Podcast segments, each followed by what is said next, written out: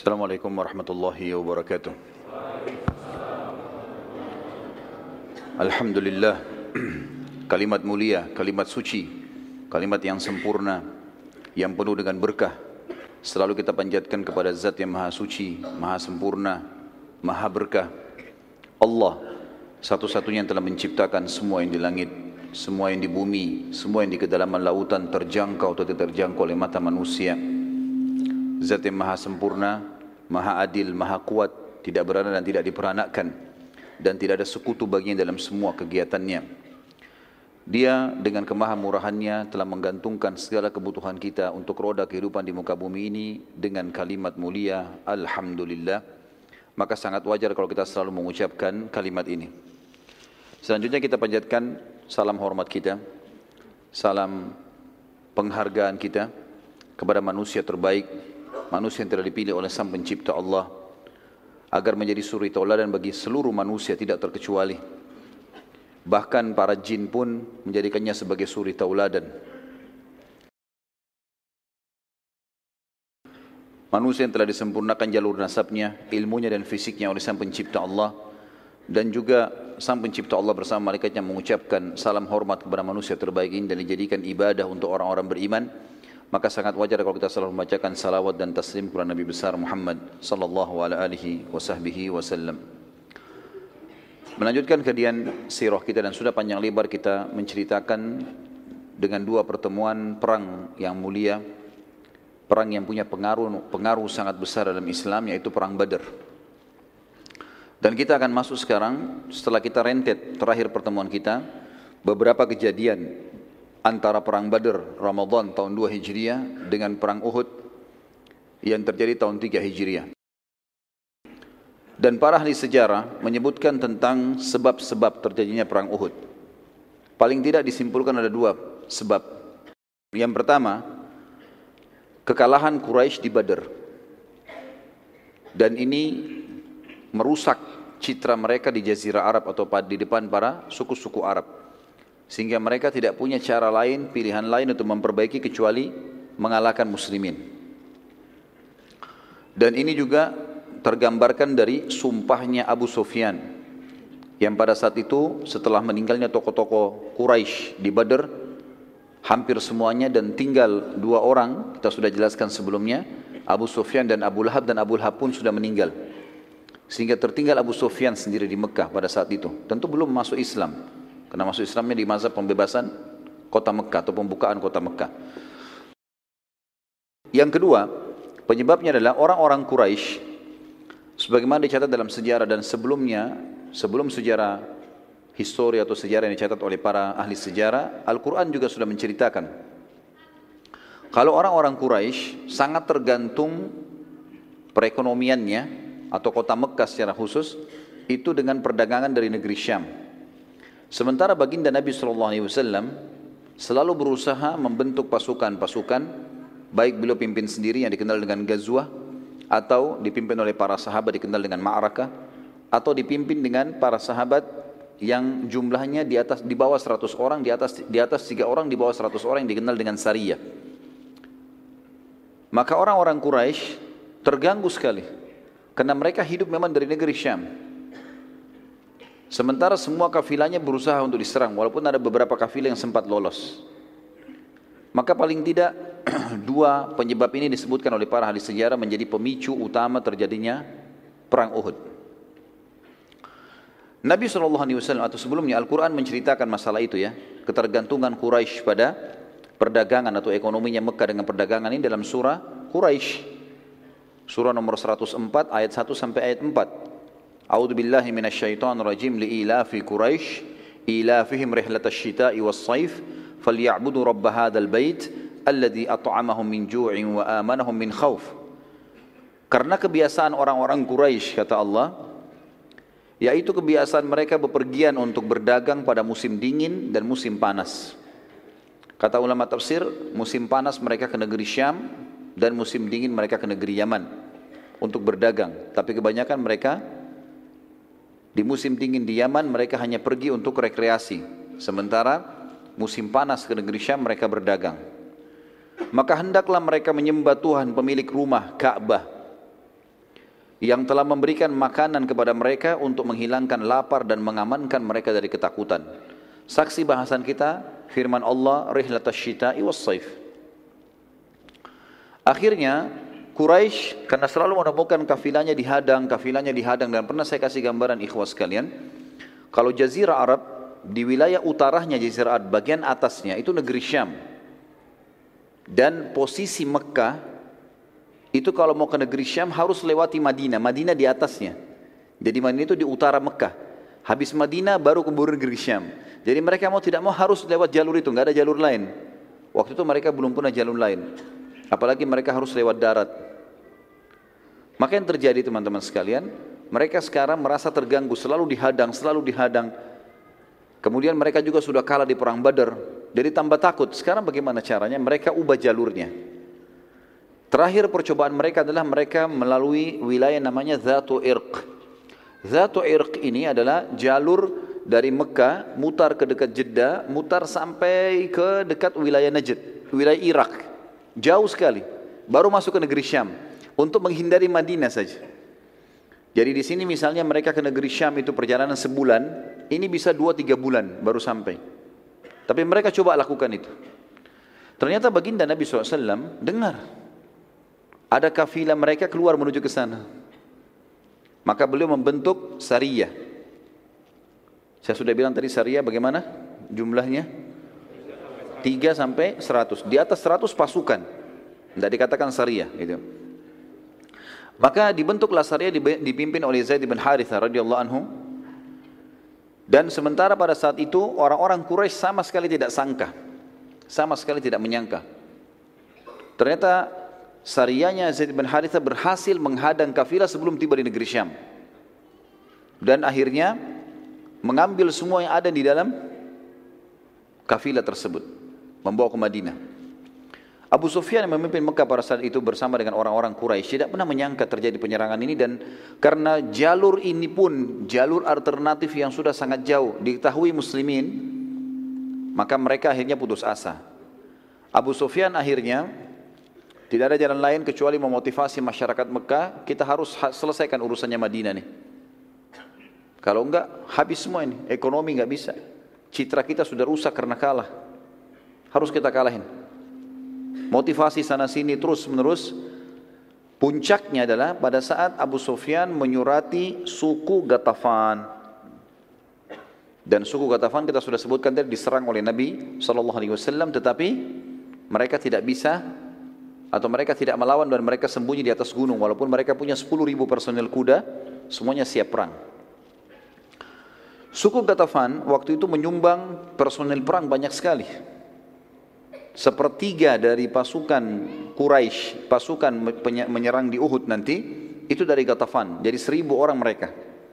Dua, dua ribu yang lain, Abu Sufyan berhasil mengumpul dari berbagai kabilah-kabilah Arab, suku-suku Arab, dan belum pernah dalam sejarah disebutkan belum pernah Quraisy memiliki pasukan sebesar ini, tiga ribu orang personel perang. Selama ini seribu, seribu itu sangat luar biasa. Seribu itu waktu menyerang Badar itu sudah dianggap pasukan intinya Quraisy, itu pun kalah. Teman-teman sekalian, pasukan ini akhirnya menuju ke Madinah. Dan yang terjadi, Nabi SAW mendengarkan kejadian tersebut.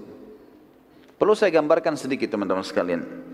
Madinah, sebenarnya sekarang Uhud itu masuk wilayah Madinah ya, masuk wilayah haram maksud saya, wilayah haram.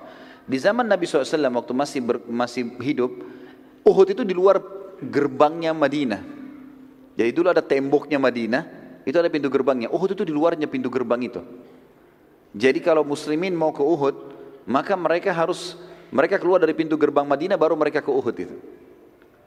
Pasukan Quraisy, teman-teman sekalian, mau menuju ke Madinah, ingin menaklukkan Madinah. Pintu gerbang Madinah yang paling dekat untuk bisa menembusnya adalah Uhud. Padahal gunung Uhud itu ada di luar tembok Madinah. Makanya dikatakan perang Uhud karena pasukan sampai ke lokasi itu dan itu sudah pintu gerbang Madinah dan gunung ini pun sangat dekat. Pada saat itu teman-teman sekalian, Nabi SAW segera mengumpulkan sahabat, diskusi, apa jalan keluarnya nih, permasalahannya apa. Mayoritas sahabat berpikir untuk keluar melawan Quraisy. Ya Rasulullah, sebelum mereka tiba di Madinah, kita keluar, hadapin di mana pun ketemu. Seperti kita hadapi di Badr. Termasuk pada saat itu yang paling ngotot adalah paman beliau Hamzah radhiyallahu anhu. Semangat para sahabat ini muncul teman-teman sekalian karena mereka sudah melihat kemenangan di Badr. Jumlah lebih sedikit, tapi akhirnya jadi besar, bisa menang. Dan saya sudah sebutkan teman-teman sekalian, perang Badr Allah Azza wa Jal, Allah yang maha tinggi dan maha kuat telah mengaturnya supaya setelah Badr muslimin sudah tidak pernah takut lagi berperang, gitu kan. Ya sudah kita jelaskan panjang lebar masalah itu. Seorang sahabat dari Ansar yang bernama Anas bin Nadhr radhiyallahu anhu yang kebetulan waktu itu tidak sempat hadir di perang Badr ia mengatakan dia berkata pada saat itu, waktu dengar Nabi SAW menyampaikan Quraisy akan menyerang, dia mengatakan, peperangan pertama Nabi SAW di Badar, aku tidak hadir.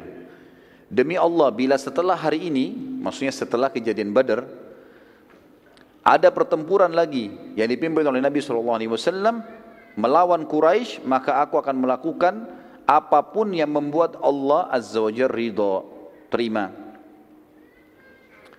Pada saat itu Nabi SAW keluar ke Badar, tentu kita ingatkan kembali, kenapa sahabat ini tidak ikut dan kenapa banyak sahabat tidak ikut? Karena Nabi SAW waktu itu hanya mengiklankan siapa yang mau ikut silakan. Ini bukan mengatakan jihad, ayo pergi, nggak ada.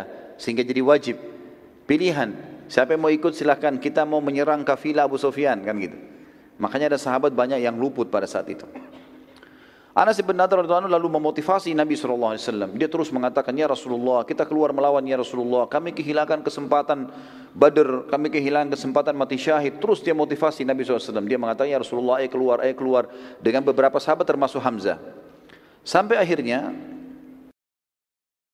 Nabi SAW mengatakan, kalau pendapat saya, maka saya akan bertahan di Madinah.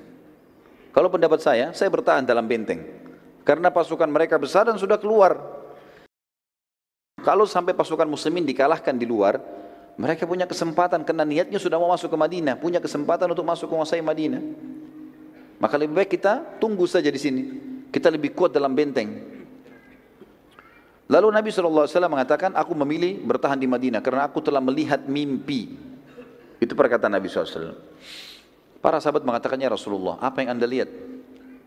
Kata baginda Nabi SAW dalam hadis Bukhari, aku melihat seekor sapi disembelih.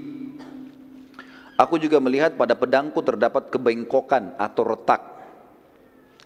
Aku juga melihat aku masuk dan berlindung dalam baju perang yang kokoh. Para sahabat bertanya, lalu apa penakwilannya Rasulullah? Kata Nabi SAW, aku menakwilkan sapi yang disembelih adalah sahabat-sahabatku, beberapa sahabatku yang akan terbunuh. Sementara kebengkokan pada pedangku atau retaknya, adanya salah satu kerabatku yang akan terbunuh, dan aku masuk ke dalam baju perang yang kokoh, aku takwilkan kota Madinah. Oleh karena itu, aku memilih untuk bertahan di Madinah. Tapi pada saat itu para sahabat mengatakannya Rasulullah, itu takwil mimpi wahyu atau penyampaian dari anda? Nabi SAW mengatakan itu penyampaian dari saya takwil. Kalian tanya takwil ini saya takwilkan, gitu kan? Maka di sini para sahabat mengatakan ya Rasulullah izinkanlah kami berperang, keluarlah. Terus saja mereka memotivasi dan mendorong Nabi SAW untuk keluar. Beberapa sahabat sampai beliau mengatakan baiklah. Kalau gitu bersiap-siaplah. Lalu Nabi SAW pun pulang ke rumah beliau dan beliau mempersiapkan baju perangnya. Waktu Nabi SAW masuk ke dalam rumahnya, para sahabat akhirnya berbicara satu sama yang lain. Ini jangan sampai kita ini melakukan dosa, kita melanggar Nabi SAW, kita menyuruh beliau keluar pada beliau mau bertahan di Madinah. Sampai akhirnya mereka tunggu depan pintu rumah Nabi SAW. Waktu beliau SAW keluar dari rumahnya dengan pakaian perang yang lengkap, beberapa sahabat menghampiri sambil berkata, Wahai utusan Allah, bila anda ingin tetap di kota Madinah, maka kami pun ikut saja bertahan di Madinah. Lalu keluarlah sabda Nabi SAW yang masyhur dalam riwayat yang sahih, tidak pantas bagi seorang nabi yang telah mengenakan baju perang membatalkan niatnya sampai Allah memberikan keputusan siapa yang menang atau kalah antara dia dengan musuhnya. Gak bisa lagi. Sudah pakai baju perang gini gak bisa lagi. Ini teman-teman sekalian, saya berikan sebuah not di sini di tulisan saya. Saya mengatakan ini jelas sekali bagaimana seorang mukmin harus punya tekad yang kuat kalau itu adalah kebenaran. Tadinya dia ragu mengerjakan yang mana, tapi kalau dia sudah pilih sebuah keputusan dan itu juga benar dalam agama, tidak usah ragu. Itu penting untuk dilakukan karena keraguan dalam memilih satu keputusan dan terus menerus larut ini membuat masalah. Apalagi kondisinya seperti ini, Madinah akan diserang. Salah satu yang tidak setuju keluar pada saat itu, waktu Nabi SAW sudah keluar, pasukan sudah mulai berkumpul, adalah pimpinan orang munafik yang sudah masyhur. Abdullah bin Ubaidillah bin Salul. Lalu dia berkata, wahai Rasulullah, aku melihat kita bertahan di Madinah saja. Karena belum pernah kami, masyarakat Madinah, karena dia dari suku Khazraj, menghadapi musuh di dalam atau di luar, maaf, kami menghadapi musuh di dalam kota Madinah kecuali kami mengalahkan musuh kami. Dan sebaliknya, setiap kami menghadapi musuh di luar Madinah kecuali kami dikalahkan. Lalu kata Nabi SAW, sudah tertekadkan maka tidak akan ada keraguan lagi. Nabi SAW lalu keluar menuju ke Uhud. Dan kita sudah tahu, saya bilang tadi, begitu keluar pintu gerbang langsung gunung Uhud. Jadi pasukan muslim tidak pergi jauh-jauh ini. Bertahan di situ saja, cuma di luar pintu gerbang mereka. Dan pada saat itu terkumpullah dari sahabat yang mulia 700 orang. Dan Abdullah bin Abi Salul, karena tidak mau dianggap dia Abdullah bin Ubaidillah bin Salul dianggap nanti dia tidak mau ikut, maka dia mengajak teman-temannya kaum munafikin 300 orang. Terkumpullah pasukan sekitar seribu orang pada saat itu. Dan pasukan Quraisy tiga ribu. Namun pada saat tiba di satu lokasi namanya Shaut, Shaut ya. Wilayah ini sebenarnya antara Madinah sama Uhud. Jadi ada wilayah seperti pekarangan luas antara gerbang Madinah sama kebun-kebun kurma yang ada di Uhud. Tiba-tiba saja Abdullah bin Ubaidillah bin Salul setelah melihat lokasi dan keluar, lalu dia berkata kepada sukunya dari kaum munafikin dari suku Khazraj. Dia mengatakan, kita balik saja. Dan tidak ada gunanya kita ikut. Kalau pasukan ini kalah, maka kita masih hidup di Madinah. Tujuannya dia sebenarnya adalah untuk mematahkan semangatnya kaum muslimin. Kemudian pada saat dia mau pergi pun beberapa sahabat mengatakan, Ya Rasulullah, Abdullah menarik pasukannya. Kata Nabi SAW, biarkan saja. Mungkin Allah ingin membersihkan muslimin. Maka tertinggallah 700 orang. Pada saat 300 pasukan itu kembali ke Madinah, terdapat pula dua suku dari Ansar dari mukminin sempat ikut-ikutan ke Madinah karena terpengaruh oleh 300 pasukan tadi. Mereka adalah suku Salama dan suku Harith. Sempat dua suku ini juga mau ikut. Jumlahnya mendekati 100 orang. Banyak sekali. Sempat mau ikut, tapi mereka akhirnya kembali setelah dikejar dan dimotivasi kembali oleh seorang sahabat yang mulia bernama Abdullah bin Amr bin Haram. Ayahnya Jabir bin Abdullah. Radhiyallahu anhu sempat mengejar mereka dan mengingatkan besarnya pahala jihad di jalan Allah terlebih lagi bersama Nabi sallallahu alaihi wasallam akhirnya kedua suku tadi kembali bergabung dengan muslimin Sementara yang 300 bersama Abdullah bin Ubaidillah bin Salul tetap menolak, maka Abdullah pun akhirnya meninggalkan pasukan muslimin dan masuk Madinah lalu kemudian mencela-cela pasukan muslimin dari atas benteng Madinah. Pasti kalian kalah, pasti kalian susah, pasti kalian begini, dengarlah. Seperti gitulah. Allah Azza wa Jalla menyebutkan kejadian tersebut dalam surah Al-Imran, surah nomor 3 ayat 122. A'udzu billahi minasyaitonir rajim. Idh hammat ta'ifatani minkum an tafshala wallahu waliyuhuma. antabshala wallahu waliyuhuma wa 'ala Allahi falyatawakkalul mu'minun. Ketika dua golongan daripadamu yaitu Bani Salamah dari suku Khazraj dan Bani Harith dari suku Aus yang tadi mau ikut sama orang-orang munafik ingin mundur karena takut padahal Allah adalah penolong bagi kedua golongan itu karena itu hendaklah kepada Allah saja orang-orang mukmin bertawakal. Jabir bin Abdullah radhiyallahu anhu menanggapi ayat tersebut di atas seraya berkata, aku tidak menyesal karena kami dikalahkan di Uhud. Karena Allah Azza wa Jal, Allah yang maha suci dan maha tinggi, berfirman, sementara Allah lah wali mereka atau penolong mereka. Para sahabat sempat memberi masukan pada Nabi SAW agar meminta bantuan pada sekutu mereka, orang-orang Yahudi di Madinah. Namun Nabi SAW menolak karena mengetahui kalau Yahudi kaum yang suka gemar berkhianat. Nabi mengatakan SAW kita cukupkan dengan 700 ini. Tiba di lokasi Uhud teman-teman sekalian, baginda Nabi SAW lalu kemudian mengatur strategi dengan para sahabat karena Quraisy belum tiba. Kata beliau, tunjukkan kata Nabi SAW para sahabat, tunjukkan saya jalan menuju ya ke satu lokasi yang menjadikan Uhud di punggung kita. Dan itu tidak melewati lokasi yang umumnya, bukan dari pintu gerbang menuju ke sana. Tujuannya agar orang-orang munafik yang ada di atas benteng dan orang-orang Yahudi itu supaya tidak tahu ke arah mana pasukan muslimin berkemah dan tidak memberitahukan kepada Quraisy. Maka ada seorang sahabat mengatakannya Rasulullah saya tunjukkan kepada anda dan kita harus melewati kebun-kebun kurma. Pada saat itu penuh dengan pohon kurma tentunya dan sampai sekarang di sekitar Uhud itu penuh sekali banyak pohon-pohon kurma tapi sebagian sudah dibongkar menjadi lokasi pemukiman.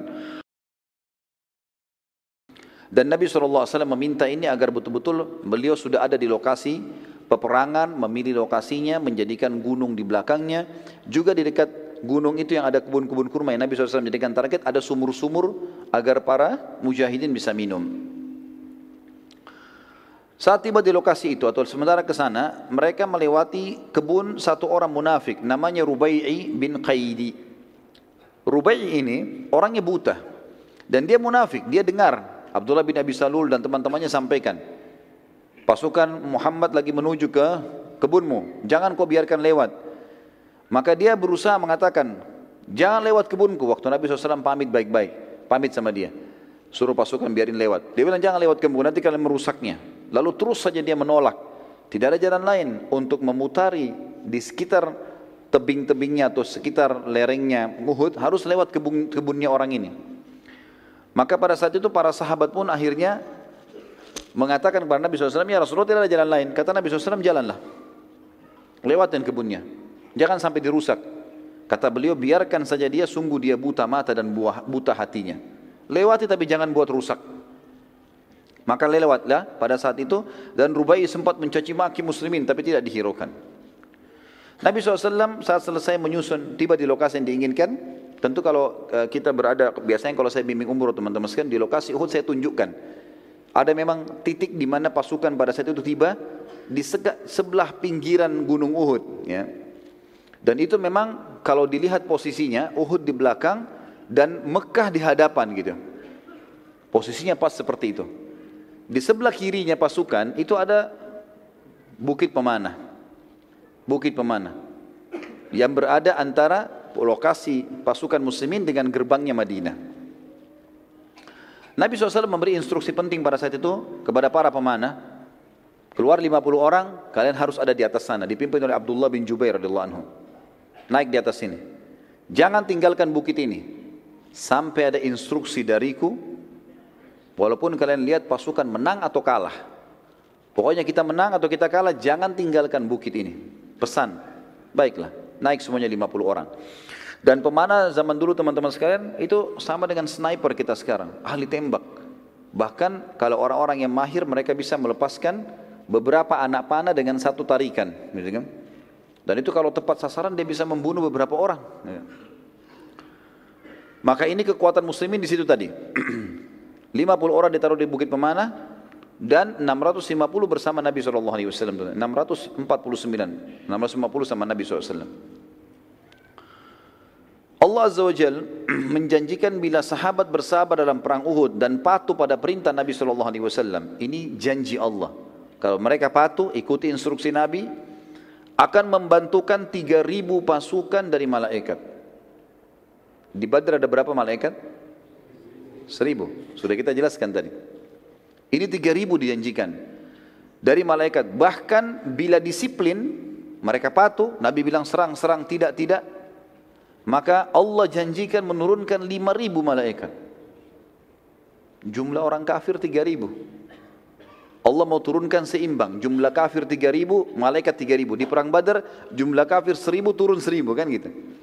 Tapi Allah janjikan untuk menenangkan muslimin kalau kalian sabar, disiplin, patuh, 5000 saya turunkan. Allah ceritakan dalam surah Al-Imran. Surah nomor 3 ayat 123 sampai 125.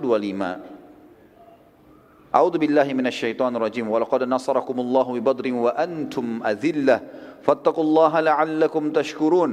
إذ تقول للمؤمنين ألن يكفيكم أن يمدكم ربكم بثلاثة آلاف من الملائكة منزلين بلى إن تصبروا وتتقوا ويأتوكم من فورهم هذا يمددكم ربكم بخمسة آلاف من الملائكة مسومين Sungguh Allah telah menolong kalian dalam peperangan Badar. Waktu itu jumlahnya lebih sedikit, senjatanya lebih sederhana. Padahal kamu pada saat itu adalah orang-orang yang lemah, karena itu bertakwalah kepada Allah supaya kalian atau kamu mensyukurinya. Satu dua tiganya, satu dua empatnya. Ingatlah, ketika kalian mengatakan atau kamu berkata Hai Muhammad kepada orang-orang mukmin, apakah tidak cukup bagi kalian Allah membantu dengan tiga ribu malaikat yang diturunkan dari langit? Ayat 125, ya pasti sudah cukup. Tapi ketahuilah, jika kalian sabar, kalian bersiap siaga, disiplin, patuh, Allah menjanjikan loh mereka eh, eh, Allah akan mendatangkan ya, maaf.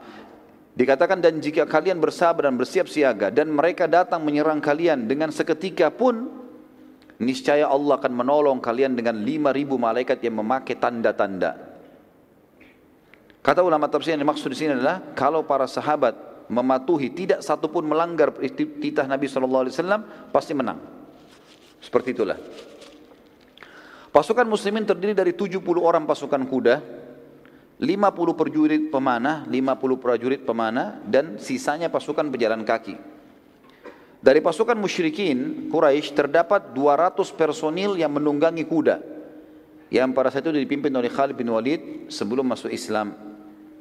Mereka tidak ikut berperang dan tugasnya 200 orang. Dari 3000 ini, 200 ke samping medan perang, kalau dari Bukit Pemana itu kita bisa lihat ke arah kiri, kalau satu waktu antum mengunjungi ke sana, kalau kita lihat ke arah kota Madinah, kita akan temukan di depan kita ada seperti lembah. Lembah itu dulu agak curam dan di situ pasukan Khalid bin Walid bersembunyi. Ya kan? 2800 maju masuk bersama pasukan Quraisy.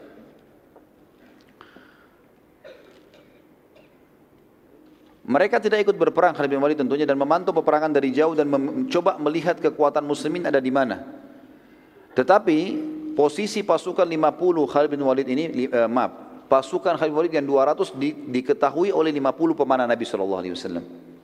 Maka Abdullah bin Jubair sempat mengatur strategi di atas 50 orang ini dibuat melingkari gunung. Bukit pemanah dibuat melingkari sehingga mereka bisa memanah ke seluruh penjuru. Gitu ya. Termasuk ke pasukan 200 orang ini kalau mereka coba maju menyerang muslimin dari belakang. Kita dengarkan ada subjudul teman-teman sekalian tentang motivasi perang Nabi SAW untuk para sahabat. Dan ini termasuk sunnah Nabi SAW. Setiap kali pasukan sudah berhadapan, supaya jiwa-jiwa siap untuk berperang dimotivasi. Dan kita sudah dengar bagaimana motivasi Nabi SAW di Badar. Sekarang kita lihat motivasi Nabi SAW di Uhud. Di antaranya adalah Kalau di tulisan saya saya berikan huruf A, artinya ada beberapa pilihan. Yang pertama kisah-kisah kisah anak-anak yang ikut perang. Anak-anak di sini maksudnya adalah dianggap umur yang masih sangat muda. Dalam pasukan muslimin terdapat anak-anak yang masih kecil yang juga ikut berperang dari dalam kota Madinah dan sempat tiba di medan perang. Namun Nabi SAW memilah memilah mereka dan ada yang dipulangkan karena tidak layak ikut perang terlalu kecil dan ada juga yang dibiarkan ikut oleh Nabi sallallahu alaihi wasallam. Di antara kisah yang unik di sini adalah ada seseorang yang ditolak oleh Nabi sallallahu alaihi wasallam yang bernama Abdullah Abdullah bin Umar dan Usama bin Zaid radhiyallahu anhu. Ini ditolak oleh Nabi SAW. Dianggap masih umur 12 tahun, 13 tahun waktu itu. Dipulangkan, tidak boleh ikut. Namun terdapat anak-anak lain yang diikutkan oleh Nabi SAW karena keterampilan mereka. Di antara kisahnya adalah terdapat seorang anak kecil yang berumur 13 tahun. Pada saat melihat Abdullah bin Umar dan Usama bin Zaid ditolak, ia berkata, Wahai Rasulullah, aku mahir dalam memanah. Lalu Nabi SAW mengetesnya dan ternyata betul-betul dia mahir dan tidak meleset panahannya. Beberapa sasaran dilempar, ditunjuk oleh Nabi SAW, dia mana tepat kena. Maka ini diikutkan, tapi maaf saya tidak temukan nama orang ini, tapi jelas ini anak umur 13 tahun disebutkan oleh buku-buku sejarah. Seorang anak yang lain juga berumur 13 tahun, saat melihat temannya diloloskan oleh Nabi SAW untuk berperang, dia berkata, Wahai Rasulullah, kenapa anda loloskan ia ikut perang sementara aku tidak? Dan aku bisa mengalahkannya kalau bergulat. Ini yang pintar mana ini? Saya bisa kalahin gulat ya Rasulullah. Dalam riwayat dikatakan Nabi SAW menyuruh keduanya untuk mengadu keterampilan gulat. Dan ternyata betul, anak yang kedua mengalahkan anak yang pertama. Maka Nabi SAW pun akhirnya mengizinkan dia ikut. Yang kedua teman-teman sekalian adalah kisah pedang Nabi Sallallahu Alaihi Wasallam. Kisah pedang Nabi Sallallahu Alaihi Wasallam. Disebutkan dalam hadis Bukhari, Nabi Sallallahu Alaihi Wasallam mengumpulkan seluruh pasukan lalu menghanuskan sebilah pedang dan bersabda, Siapa yang akan memberikan haknya Allah dan Rasulnya di pedang ini? Tiba-tiba saja Hamzah bin Abdul Muttalib radhiyallahu anhu yang kita tahu memang dia yang paling besar semangatnya untuk keluar menghadapi musuh dan memang Allah karuniai dia mati syahid di situ. Tiba-tiba berdiri dan mau mengambil dari tangan Nabi wasallam. Nabi SAW tarik. Hamzah dikenal dengan singa, orang yang sangat luar biasa, perkasa, pemberani. Lalu Nabi SAW ulangi lagi. Setelah Hamzah mengatakan, aku ya Rasulullah, Nabi SAW tarik. Nabi SAW ulangi lagi. Siapa yang mau memberikan haknya Allah dan Rasulnya di pedang ini? Berdiri yang kedua Ali bin Abi Thalib radhiyallahu anhu. Orang juga yang muda tapi kuat sekali, punya kekuatan fisik, keterampilan perang. Nanti kita lihat keterampilannya luar biasa kalau kita pada saat kita ceritakan tentang kisah perang Ahzab. Maka Ali pun berdiri mengatakan, saya Rasulullah langsung mau memegang pedang itu. Karena dianggap ini kemuliaan. Pedangnya Nabi SAW dikeluarkan lalu dikasih. Siapa yang mau berikan hak Allah dan Rasulnya di sini. Ternyata Nabi SAW tarik lagi. Suruh Ali duduk. Ulangi lagi. Siapa yang mau memberikan haknya Allah dan Rasulnya di pedang ini. Berdiri Zubair bin Awam. Yang sudah kita tahu kisahnya. Di perang Uhud, di perang Badr. Bagaimana dia membunuh Abu Kabs. Melempar tombak di antara dua matanya tembus sampai ke otaknya gitu kan. Berdiri mengatakan saya Rasulullah. Nabi SAW tarik lagi. Suruh duduk. Diulangi lagi, siapa yang akan memberikan haknya Allah dan Rasulnya di pedang ini?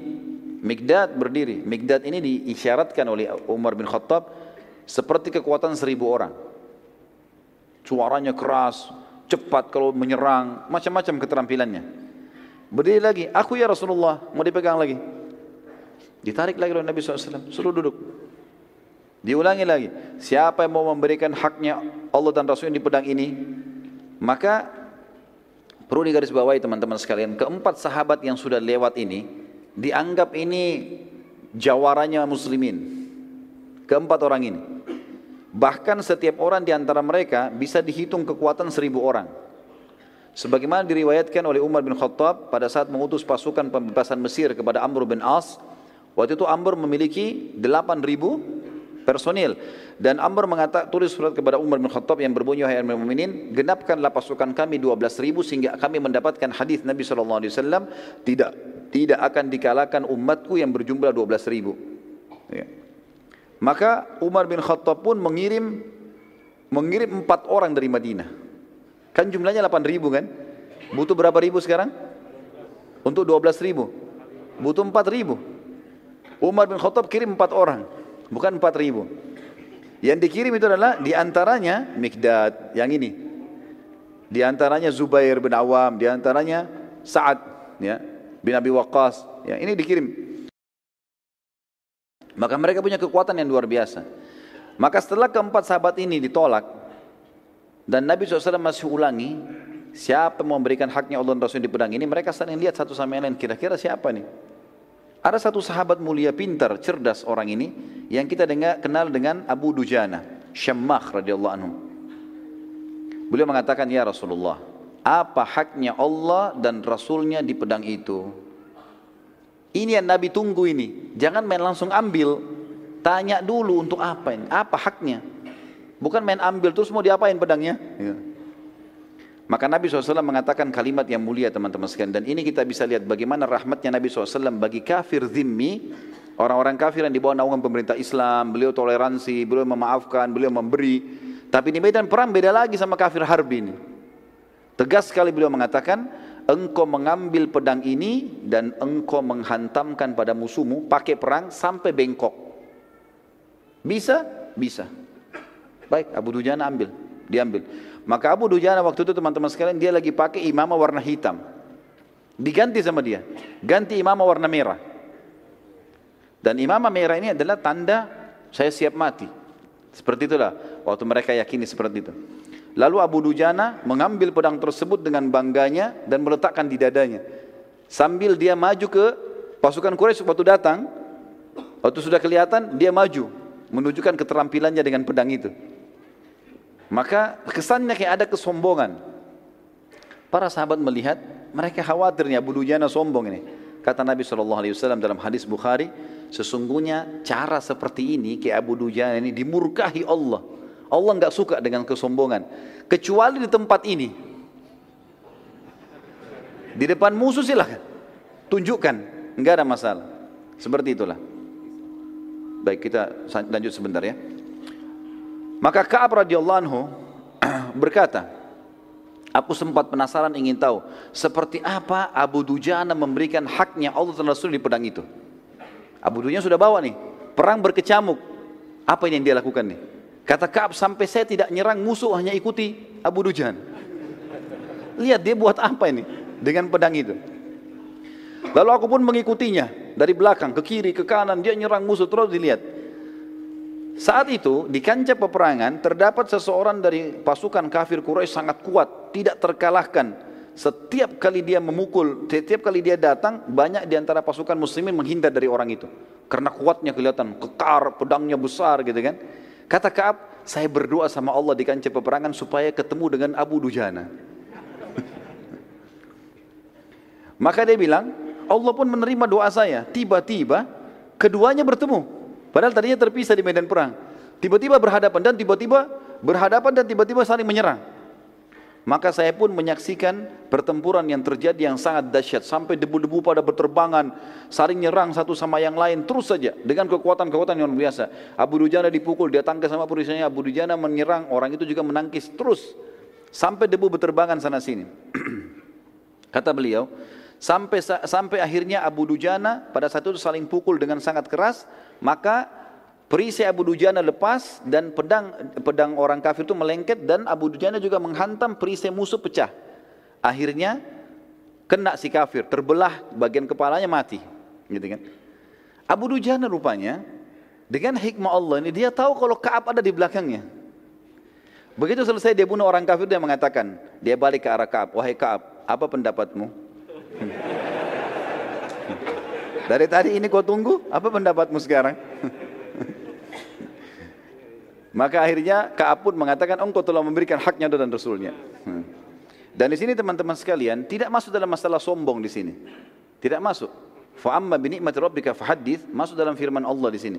Dia melakukan apa yang Allah Rasul perintahkan, maka dia bisa mengatakan saya sudah melakukan. Sudah lihat kan saya sudah lakukan? Gitu. Seperti itulah ya. Bagaimana hajimu kemarin? Ya saya sudah coba lakukan semaksimal mungkin. Gak ada hubungannya dengan riak kecuali dia niat untuk itu. Dia harus dibedain mana yang boleh, mana tidak boleh. Maka di sini Abu Dujana tidak sama sekali hubungannya dengan riak tapi beliau tunjukkan karena ini orang yang mau lihat nih saya sudah kasih haknya. Sampai kalau bukan pedang ini bengkok, kepalanya dia yang bengkok gitu kan. Allah Baik kita lanjutkan sebentar insya Allah dengan kisah-kisah yang lain.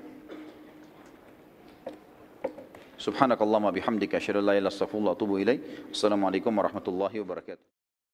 Assalamualaikum warahmatullahi wabarakatuh. Alhamdulillah wassalatu wassalamu ala Rasulillah. Segala puji bagi Allah Subhanahu wa taala juga salawat dan taslim kepada Nabi besar Muhammad sallallahu alaihi wasallam. Tadi sudah kita ceritakan tentang kisah bagaimana Abu Dujana Syammah ibn Harith radhiyallahu anhu memberikan hak pedang yang diberikan oleh Nabi sallallahu alaihi wasallam yang menuntut haknya Allah dan Rasulnya di situ. Kisah yang lain teman-teman sekalian, kisah yang terjadi di perang Uhud yang tidak bisa luput dari seorang beriman adalah kisah sahabat yang mulia Handalah radhiyallahu anhu. Handalah radhiyallahu anhu adalah seorang sahabat yang menikah di hari Jumat malam. Menikah di hari Jumat malam. Dan perang Uhud terjadi di Sabtu pagi. Di waktu duha. Handalah lalu menikah malam itu. Kemudian memang dia belum bergaul. Dia belum menggauli istrinya. Dia sempat ikut berjamaah sholat subuh bersama Nabi SAW. Pada saat dia pulang dia bergaul, untuk menggauli istrinya sehingga dia dalam keadaan junub. Baru saja dia selesai bergaul dengan istrinya masih dalam keadaan junub belum mandi, terdengar panggilan seruan dari utusan Nabi SAW kepada seluruh muslimin di Madinah jihad, jihad. Dan panggilan seperti ini berarti wajib bagi laki-laki muslim untuk ikut. Maka dia pun tidak menunggu langsung saja dia keluar dalam kondisi masih junub bergabung dengan pasukan muslimin. Waktu bergabung dengan pasukan muslimin, salah satu korban di Uhud yang mati syahid. Sebenarnya bukan kita katakan korban ya. Justru ini kemenangan. Karena hakikat dari seorang muslim ikut jihad adalah mati syahid. Kedua baru menang. Jadi dia tidak kenal namanya kalah. Kalau dia terbunuh itu target utamanya kena masuk surga tanpa hisab. Tara, kalau dia menang adalah target yang kedua. Handalah radhiyallahu adalah salah satu sahabat yang dikaruniai oleh Allah syahadah, mati syahid. Waktu jenazahnya ditemukan setelah selesai perang Uhud, maka Nabi SAW waktu melihat ke arahnya mengalihkan pandangan matanya. Lalu kemudian para sahabat bertanya, Ya Rasulullah, ada apa dengan Handalah? Kenapa anda alihkan pandangan anda?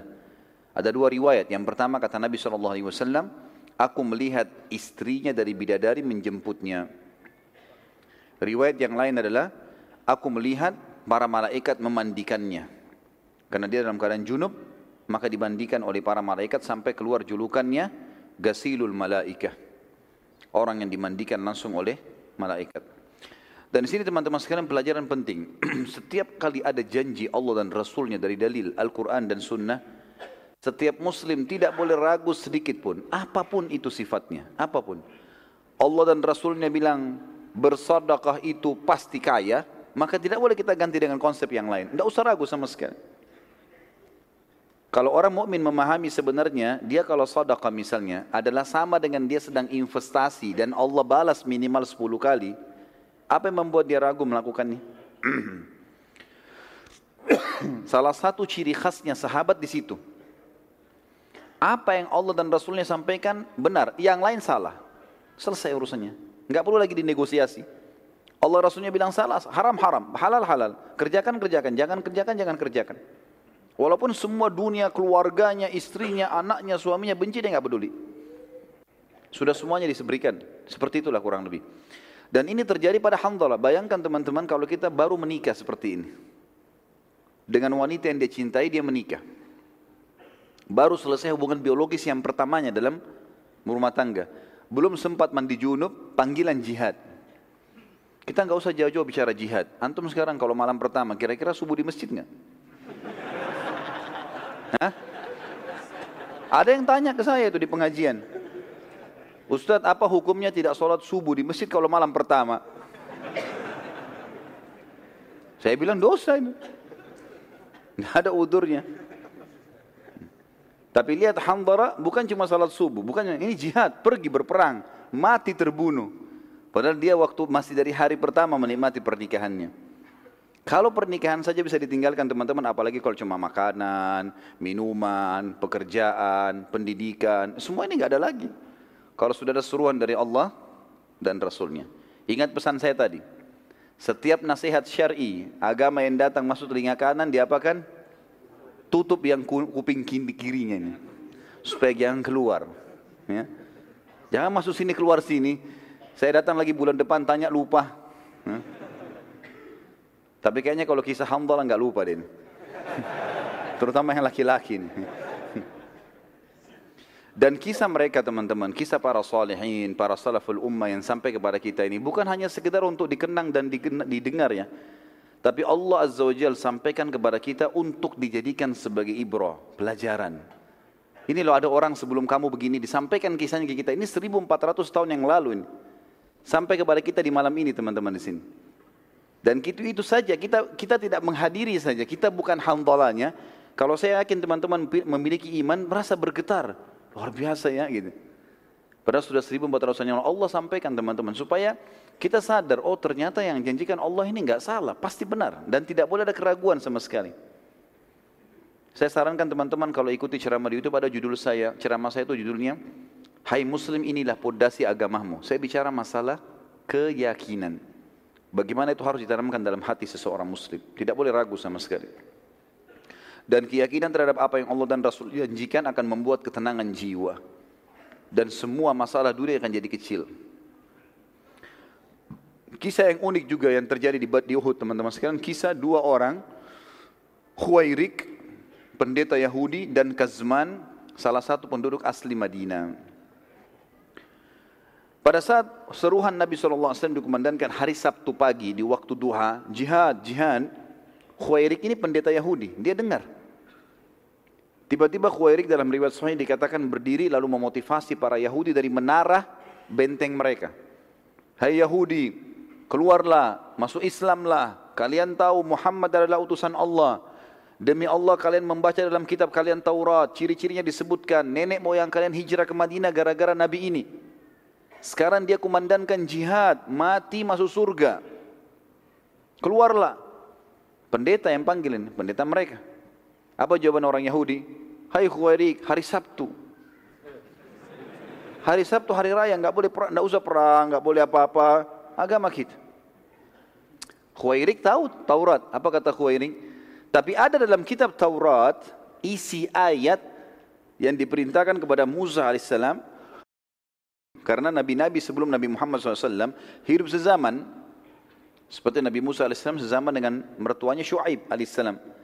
Dalam salah satu ayat Taurat itu ada isinya, kalau Musa AS berdakwah di Mesir sama Palestina, bila di wilayah lain ada nabi yang Musa tahu tuh Musa beritakan tuh nabi, kemudian dia panggil jihad, yang di sini harus bantu yang di sana. Baiklah kalian tidak beriman pada Muhammad, tapi kalian tahu dia nabi, Yahudi semua tahu. Ikuti ayat Taurat, bantu dia, minimal bantu. Sama jawabannya, kami nggak mau ini hari Sabtu, orang tidak boleh perang hari Sabtu, hukum Taurat, alasan. Macam-macam. Kata Khawairi, kalau begitu saya sendiri akan pergi. Dia jalan sendiri dari benteng Yahudi menuju ke masjid Nabi SAW waktu Nabi lagi susun pasukan. Lalu dia mengatakan, Ya Rasulullah, bukan lagi panggil nama Nabi SAW, karena orang Yahudi suka kurang ajar, nama panggil nama Nabi SAW gitu kan. Dia mengatakan, Ya Rasulullah, Asyhadu an la ilaha illallah wa anna Muhammad Rasulullah. Langsung syahadat, gak pakai tanya-tanya apa-apa ini. Nabi SAW sambut dia. Dia mengatakan, ya Rasulullah, saya ingin ikut berperang. Kata Nabi SAW, bergabunglah dengan pasukan muslimin. Sudah selesai, ikut perang.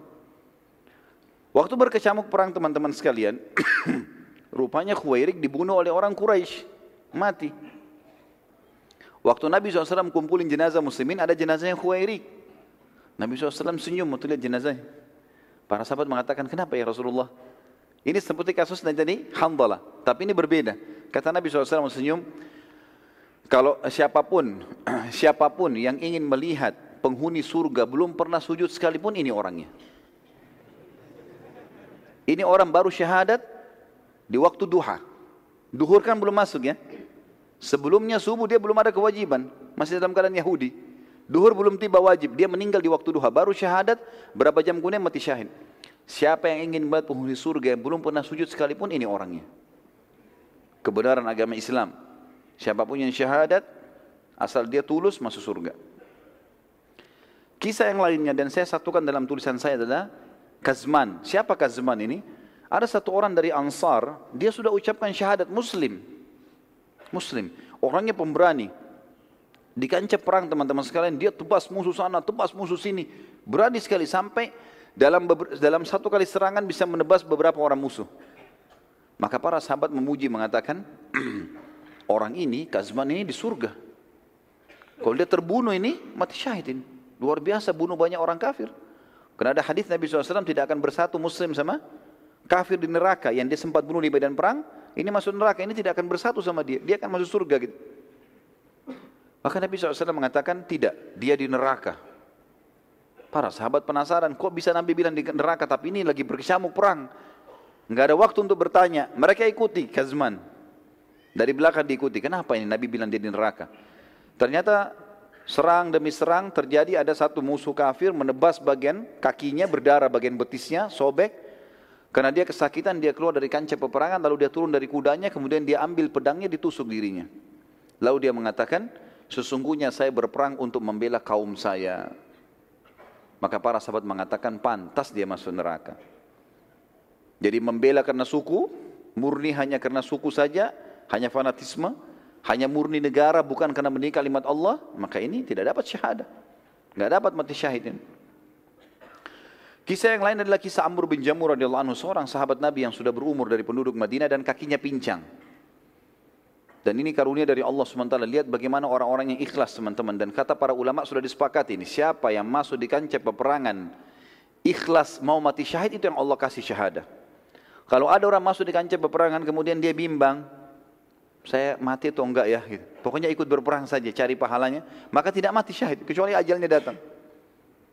Kuasa Allah, Allah memilih orang yang paling ikhlas. Yang memang mau mati syahid. Mau segera masuk surga itu Allah kasih. Ini kisah-kisahnya satu demi satu kita sebutin. Di antaranya Amr bin Jamuh. Tadi sudah ada Handalah, ada Khuwairik. Ya. Amr bin Jamuh berkata, Ya Rasulullah, saya ingin berjihad, tapi anak-anak saya larang. Anak-anaknya datang memegang tangannya. Ya Rasulullah, ayah kami pincang, sudah tua. Maka kata Nabi SAW, kau pincang, hai Amr. Kata Amr, ya Rasulullah, apakah orang pincang tidak bisa masuk surga? saya juga mau ya Rasulullah. Justru saya mau masuk surga dengan pincang saya ini. Kata Nabi SAW, naikkan dia ke kudanya. Biarin dia ikut. Ikut berperang, terbunuh mati syahid. Radiyallahu anhu. Ya. Jadi bagaimana semangat sahabat teman-teman sekalian. Pincang nggak menghalangi untuk itu. Sebagian orang, saya nggak tahu di sini ada atau tidak. Baru gerimis nggak ke masjid. Nggak tahu kalau ada di sini hadir. Ya. Merasa Alhamdulillah. Baru gerimis nggak mau ke masjid. Baru ngantuk sedikit tidak mau hadir di majelis ilmu. Bagaimana kalau jihad ini? Umroh mau cukur rambutnya bimbang. Sampai kadang-kadang saya bilang sama jemaah saya, baru rambut pak, belum darah, baru gundul. baru mau gundul gitu. Bagaimana caranya tidak mau berkorban untuk Allah dan Rasulnya ini? Padahal Allah yang membuat di urat saraf kita mengalir darah-darahnya, otot-otot dia yang rangkaikan dengan tulangnya segala macam. Dulu kita tidak mau berkorban untuknya. Ambil pelajaran teman-teman dari para sahabat ini. Enggak setengah-setengah, janji Allah dan Rasulnya memang sudah pasti benar, jalani. Yang lain kisah Zubair bin Awam. Jadi ini terulang lagi teman-teman sekalian. Hampir mirip dengan kisah Abu Kabs tadi. Rupanya ada lagi di pasukan kafir Quraisy orang yang mirip Abu Kabs di perang Badr tadi. Badannya besar, besi semua dari kepala sampai kaki kudanya, menyerang muslimin nyusahin. Sahabat ngeluh lagi ke Nabi, ya Rasulullah, ada lagi nih pasukan kafir Quraisy. Nabi panggil lagi Zubair, panggil Zubair, suruh hadapi. Zubair datang lagi. Zubair mengatakan demi Allah saya tidak melihat sedikit pun ada celah di mukanya orang ini. Sama tadi, dikelilingi, dicari sampai Zubair mengatakan saya melihat kasus yang sama dengan yang di Badr. Celahnya coba di antara dua matanya. Maka saya pun melempar tombak di tempat yang sasaran itu dan dia mati terbunuh. Sama dengan kasus tadi di Badr. Dan ini juga termasuk teman-teman sekarang sudah saya jelaskan bagaimana seorang muslim memiliki keterampilan dan kejelian dan kata Nabi SAW dalam sebuah hadis yang sahih, Inna Allah hibbu min abdin, idha amila amalan an yutqinahu. Allah sangat suka, cinta dengan seorang hamba kalau dia kerjakan satu perbuatan, dia menguasainya. Jangan terlalu bercabang teman-teman. Kuasai bidang ini, pindah ke bidang lain, setelah ini dikuasai. Lebih baik kita terkenal dengan satu bidang dan kita dikenal itu tuh lebih baik. Nabi Daud alaihissalam fokus sebagai tukang besi. Udah terkenal dengan itu. Walaupun keterampilan lain bisa. Tapi ini ada yang dia kuasai, dikuasai dengan sangat matang, gitu kan. Zubair dan para sahabat ini memang banyak mereka menguasai bidang-bidangnya dan ini bagian daripada syariat kita. Profesional dalam bidangnya. Keterampilan diikuti dengan kejelian. Kita sebutkan juga beberapa kisah prajurit kafir di kancah peperangan Uhud, teman-teman sekalian. Di antaranya kisah Abu Amir. Abu Amir ini asli penduduk Madinah dan dia dulunya berusaha untuk menyatukan Aus dan Khazraj. Dua suku yang nanti dikenal Ansar setelah Islam. Sebelum masuk Islam, sebelum Islam masuk ke Madinah, Abu Amir ini mau menobatkan diri menjadi rajanya Aus dan Khazraj. Daripada kalian perang, saya jadi raja kalian, saya akan menyatukan. Dia orang kaya. Subhanallah, dengan hikmah Allah datang waktu Islam mulai masuk ke Madinah, gitu kan? Kemudian Nabi SAW hijrah ke Madinah, seluruh penduduk Madinah ini Aus dan Khazraj masuk Islam. Dan mereka tidak mau lagi mengangkat Abu Amir sebagai rajanya. Abu Amir kecewa. Karena dia kecewa, dia nggak mau masuk Islam, dia tinggalkan Madinah menuju ke negeri Syam. Waktu dia dengar di perang Uhud eh, orang-orang Quraisy menyerang Madinah, dia kembali. Lalu kemudian dia masuk Madinah dan dia mulai ribut. Dia mengatakan kepada muslimin waktu itu orang Madinah, Ngapain kalian ikuti Muhammad? Ikuti saya. Saya dari suku kalian, Muhammad pendatang. Saya akan membuat Quraisy pulang, tidak jadi menyerang kalian. Tapi nggak ada satupun orang yang mau ikuti dia ini. Nggak ada yang dengar, orang sudah tahu, sudah masuk iman dalam hatinya, sudah tahu kalau ini benar. Mana mau didahulukan dia dari Nabi SAW? Nggak mungkin. Dia sakit hati, dia keluar, kemudian dia sempat membuat beberapa lubang di lokasi peperangan. Tapi dengan hikmah Allah, lubang ini dia buat, dia tidak tahu kalau Nabi akan ke situ, tapi dia perkirakan di tempat yang nanti pasukan muslimin terdesak, di situ yang dibuat lubang oleh Abu Amir. Digali lubang cukup dalam, satu orang kalau injak dia akan jatuh. Kurang lebih ukuran dua orang laki-laki berdiri. Gitu kan? Jadi susah untuk keluar. Dan sempit. Itu ditutup dengan pelapa-pelapa kurma. Dibuat beberapa tempat sama dia. Dan ini nanti salah satu lubang ini yang, yang, yang, yang Nabi SAW jatuh di dalamnya pada saat pasukan muslimin terdesak. Setelah buat lubang-lubang ini, dia bergabung dengan pasukan Quraisy. Dia bergabung dengan pasukan Quraisy, tapi akhirnya dia juga terbunuh bersama dengan pasukan Quraisy. Ini di antara kisah salah satu orang kafir yang perlu ditahu namanya karena dia bergabung dengan pasukan Quraisy. Yang lain adalah Jubair ibn Mut'im, Jubair ibn Mut'im. Ini juga salah satu tokoh Quraisy. Dia memiliki budak yang kita sudah tahu namanya Wahsy. Dan dia kebetulan paman dia, paman Jubair itu dibunuh oleh Hamzah di Badr. Pamannya dibunuh oleh Hamzah di Badr. Maka dia bilang, hai Wahsy, kalau kau bisa membunuh Muhammad atau membunuh pamannya Hamzah yang telah membunuh pamanku, kau bebas. Enggak jadi budak lagi. Mendengar perkataan ini, Hindun binti Utbah, istrinya Abu Sufyan, Berkata juga kepada Wahsy, "Hai Wahsy, kalau kau bisa bunuh Hamzah, dia telah membunuh dia telah menjadi penyebab terbunuhnya ayahku Utbah. Utbah bin Rabi'ah, karena itu ada dibunuh terbunuh tiga orang pada duel pada saat duel awal perang Badr kan. Ada Utbah bin Rabi'ah, ada Syaibah bin Rabi'ah, ada Walid bin Utbah. Ini kan Walid bin Utbah saudaranya Hindun. Utbah bin Rabi ayahnya, Syaibah bin Rabi pamannya. Ini tiga-tiganya mati. Dua orang mati di tangannya Hamzah. Gitu kan? Di awal duel di perang Badar. Maka Hindun pun berkata kepada Wahsy, "Hai Wahsy, kalau kau lakukan itu, kau ikuti majikanmu, Jubair bin Mut'im ini, membunuh Hamzah, maka aku pun akan memberikan kau hadiah. Dia bebaskan kamu, saya akan berikan kamu hadiah." maka Wahsy pun akhirnya masuk ke dalam kancah peperangan. Dan Wahsy mengatakan nanti akan kita ceritakan kisahnya bagaimana dia mengatakan saya masuk di kancah peperangan tidak berpikir untuk membunuh muslimin kecuali Hamzah. Karena saya ingin bebas. Saya nggak pernah ikut-ikut. Nggak mau ganggu orang nggak mau apa-apa. Saya mau bunuh Hamzah untuk saya lolos. Gitu kan. Dan dia tahu Hamzah sangat kuat. Nanti kita ceritakan bagaimana prosesi dia membunuh Hamzah. Hamzah sangat kuat. Setelah tertombak pun masih kuat masih mengejar Wahsy. Gitu kan tapi ini saya sampaikan secara umum dulu tentang beberapa prajurit-prajurit yang masuk ya dari orang kafir ke pasukan Quraisy yang bergabung ya, yang bukan dari orang Quraisy. Tadi Abu Amir dari Madinah, kemudian ini Wahsy budak berkulit hitam dari Ethiopia. Kemudian juga ada budak yang lain namanya Suwaid. Ini budaknya suku Abdiddar. Dan kita akan ceritakan nanti bendera itu di zaman dulu kalau perang teman-teman adalah simbol kemenangan. Kalau bendera masih berdiri berarti masih kuat pasukan, walaupun pasukannya tinggal sedikit. Kalau bendera jatuh walaupun pasukan banyak berarti sudah kalah. Jadi yang pegang bendera ini harus orang kuat, karena dia jadi sasaran serangan. Nah Suwaib ini adalah budak Abdiddar yang akan memegang bendera Quraisy terakhir sebelum Quraisy kocar kacir. Dan dianggap oleh ahli sejarah dia masuk dia masuk untuk membunuh ya untuk membunuh uh, maaf dia masuk untuk memegang kembali bendera agar pasukan Quraisy mengalahkan muslimin ya.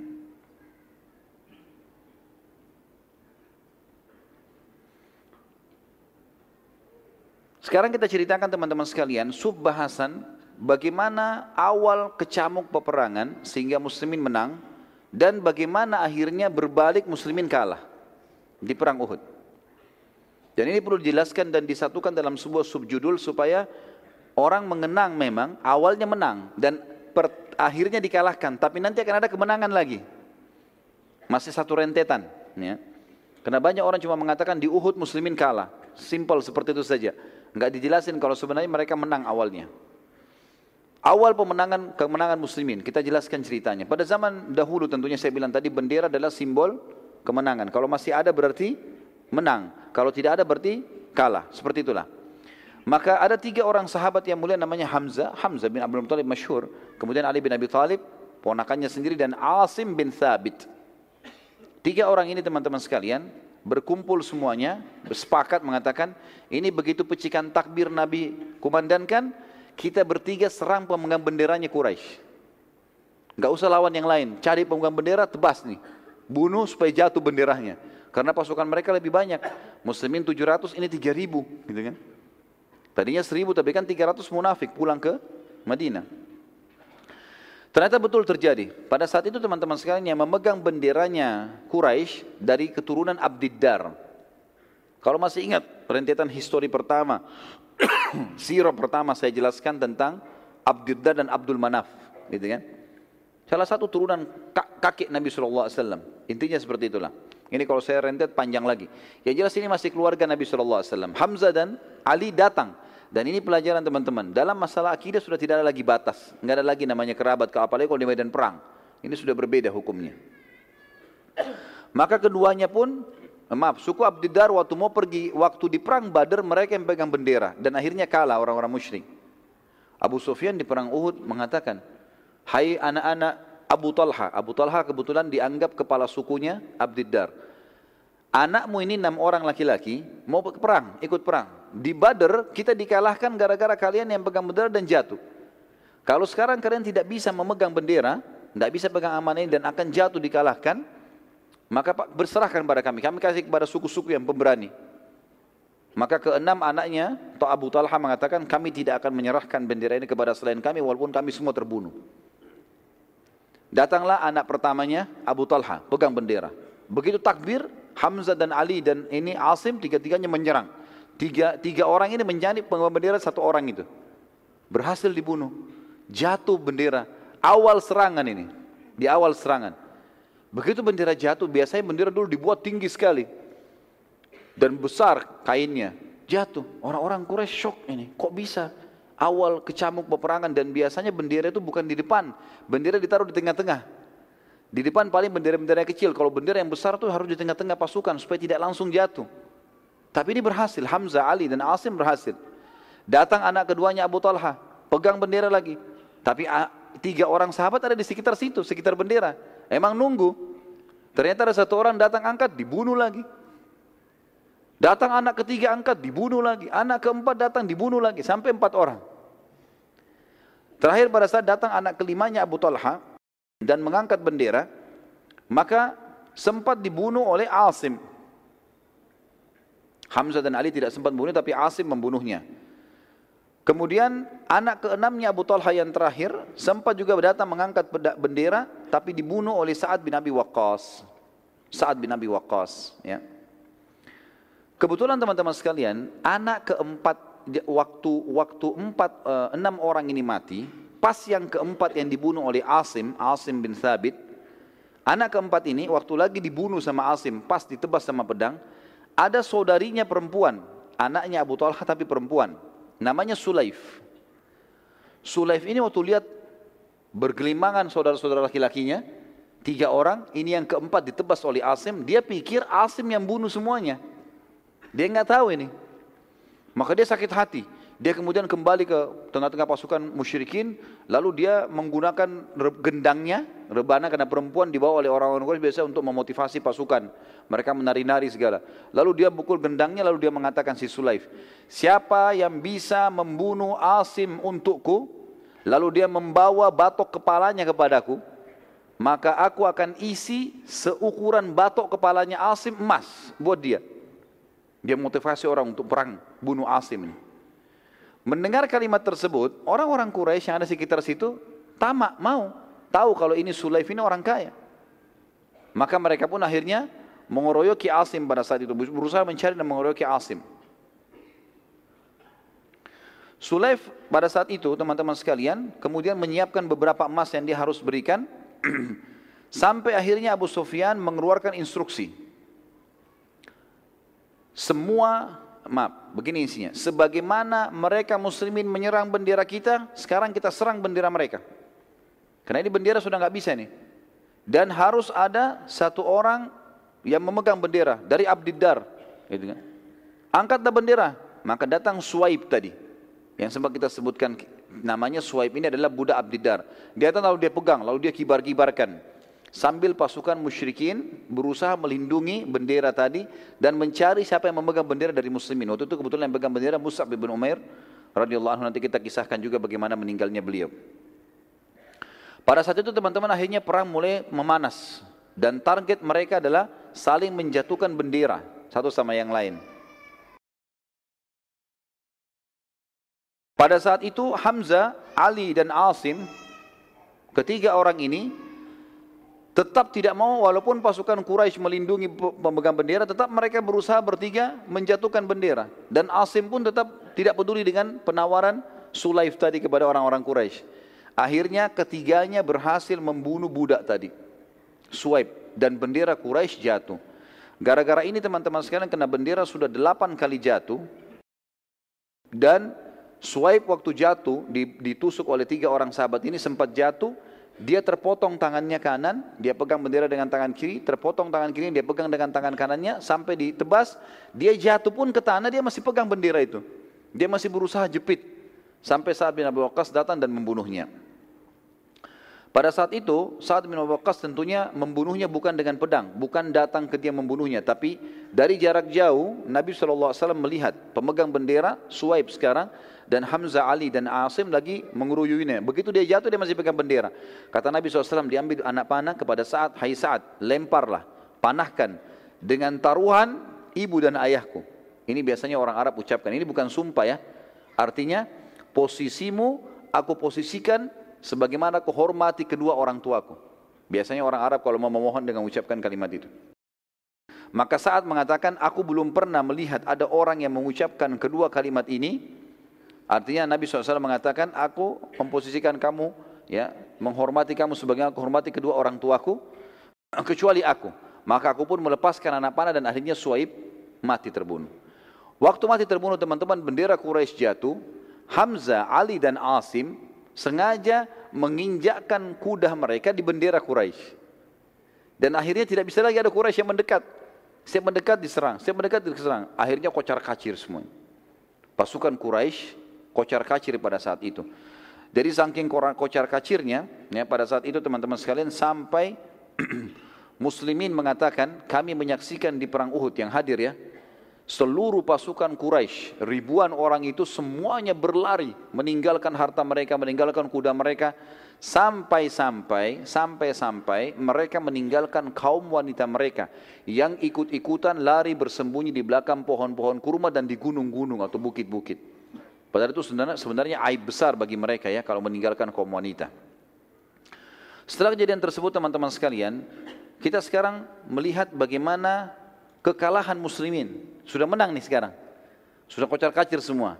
Sampai beberapa sahabat menceritakan kami melihat kancah peperangan kosong, nggak ada apa-apa. Nggak ada manusia maksudnya, tapi penuh dengan ghanimah. Kekalahan muslimin terjadi teman-teman sekalian.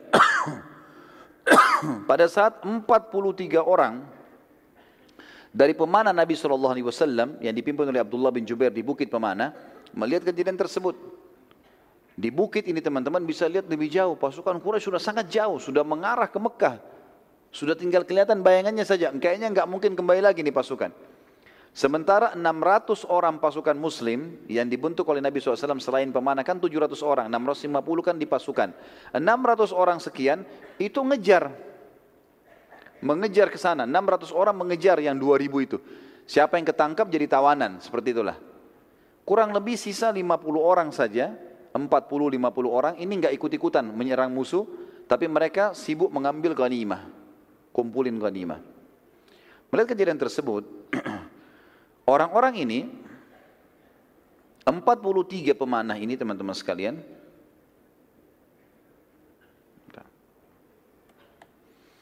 Mereka melihat tempat itu kosong, mereka bilang, sudah enggak ada musuh.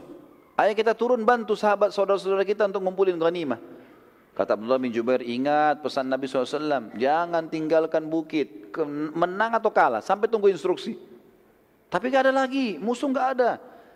Subhanallah dari 50 orang 43 turun berkhianat di sini turun mereka. Ya, di sini kita katakan berkhianat teman-teman sekalian bukan aib untuk para sahabat, tapi untuk individu yang melakukannya. Karena definisi sahabat jauh lebih luas masalah ini. Maka turunlah 43 orang itu ikut kumpulin ghanimah. Karena sisa tujuh orang, saya tadi di awal peperangan ini menceritakan teman-teman ada 200 pasukan kudanya Quraisy sembunyi di sebuah lembah. Tapi 50 pemanah tahu ini. Sehingga mereka kalau mau menyerang dipanahin. Mereka tidak berani maju. Satu kali lemparkan 50 anak panah. Mereka cuma 200 orang. Bisa habis ini kalau dipanah dengan tiga kali, empat kali panah gitu. Waktu melihat 43 orang ini turun, yang tujuh orang ini sibuk nasihatin teman-temannya, jangan turun, jangan turun. Khalid bin Walid gunakan kesempatan, keluar dari lembah. Manuver, dia manuver, dia naik di atas bukit pemanah lalu dibunuh yang tujuh orang. Sahabat ini. Waktu dibunuh tujuh orang, jangan lupa tadi di kancah peperangan sisa berapa orang? Hah? 50. Ditambah dengan 43 orang, 90 orang sekian. Ya. Cuma ini jumlahnya pasukan muslimin. Yang lainnya di jauh di depan sana.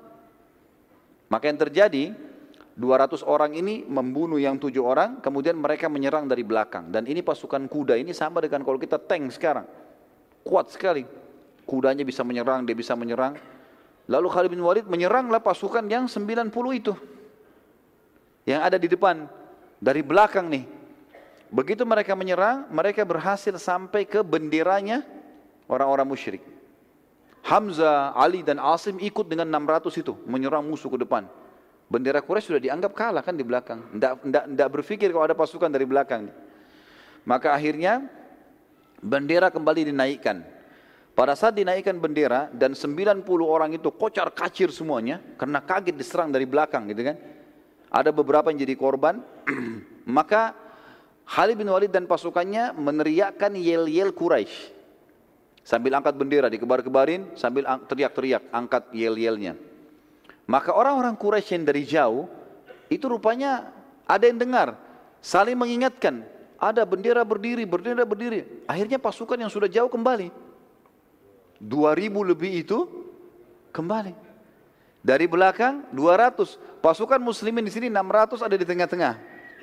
2000 ini kembali nyerang. Gitu kan? Rupanya waktu mendengar yel-yel Quraisy di belakang, Pasukan yang 600 muslimin juga balik ke belakang. Ini ada apa ini? Rasulullah ada di belakang ini.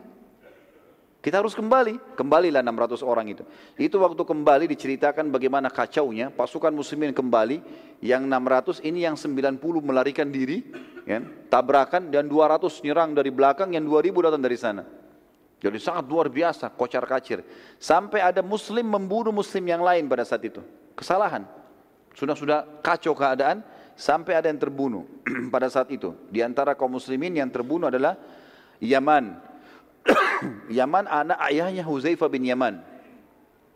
Radhiyallahu anhu majma'in kata Huzaifah, saat seluruh pasukan sudah kacau sampai pasukan muslimin saling serang, tidak sudah tidak tahu musuh ini karena luar biasa kacaunya. Dan dalam keadaan sangat kacau, sampai-sampai aku menemukan ayahku di antara pasukan yang terserang oleh muslimin sendiri. Dan aku mengatakan, ayahku wahai muslimin semoga Allah merahmati kalian tapi terlambat. Dan akhirnya Yaman radhiyallahu anhu mati terbunuh dan dianggap syahid oleh Nabi SAW karena salah kesalahan. Hudzaifah berkata semoga Allah memaafkan kalian karena kehilafan ini. Semoga Allah memaafkan kalian ayahku telah kalian bunuh. Seperti itulah dalam situasi demikian teman-teman Nabi SAW segera mengambil keputusan beliau SAW berteriak dengan suara keras Kumpullah di sisiku wahai hamba-hamba Allah. Aku benar-benar utusan Allah. Namun yang mendengar, yang mendengar beberapa orang sempat kumpul. Tapi mayoritas pasukan tidak dengar. Dan yang terkumpul di sisi Nabi SAW hanya sembilan orang. Tujuh dari muhajirin dan eh, maaf, tujuh dari ansar, dua dari muhajirin. Sembilan orang saja. Yang lain pasukan ini sudah kocar kacir keluar dari kancah peperangan karena diserang oleh musuh-musuh ini. Hal ini terjadi karena luasnya lokasi peperangan dan galaunya keadaan pada pada pasukan muslimin sehingga mayoritas mereka tidak mendengarkan teriakan Nabi Shallallahu Alaihi Wasallam. Terutama pada pasukan terdepan yang merupakan pasukan inti seperti Hamzah, Ali, ya, Zubair, ini yang kuat-kuat semua ini tidak dengar karena mereka jauh dari Nabi SAW. Jadi yang dari 90 ini saja yang coba mendekat, itu pun cuma berapa orang gitu. Dan mereka tersibukkan pada saat itu berusaha mengejar musyrik musyrikin yang lari ke Mekah tapi jumlah mereka tapi mereka sekarang kembali menyerang. Jadi Hamzah dan Ali juga ini sibuk lagi menghadapi pasukan yang 2000 itu.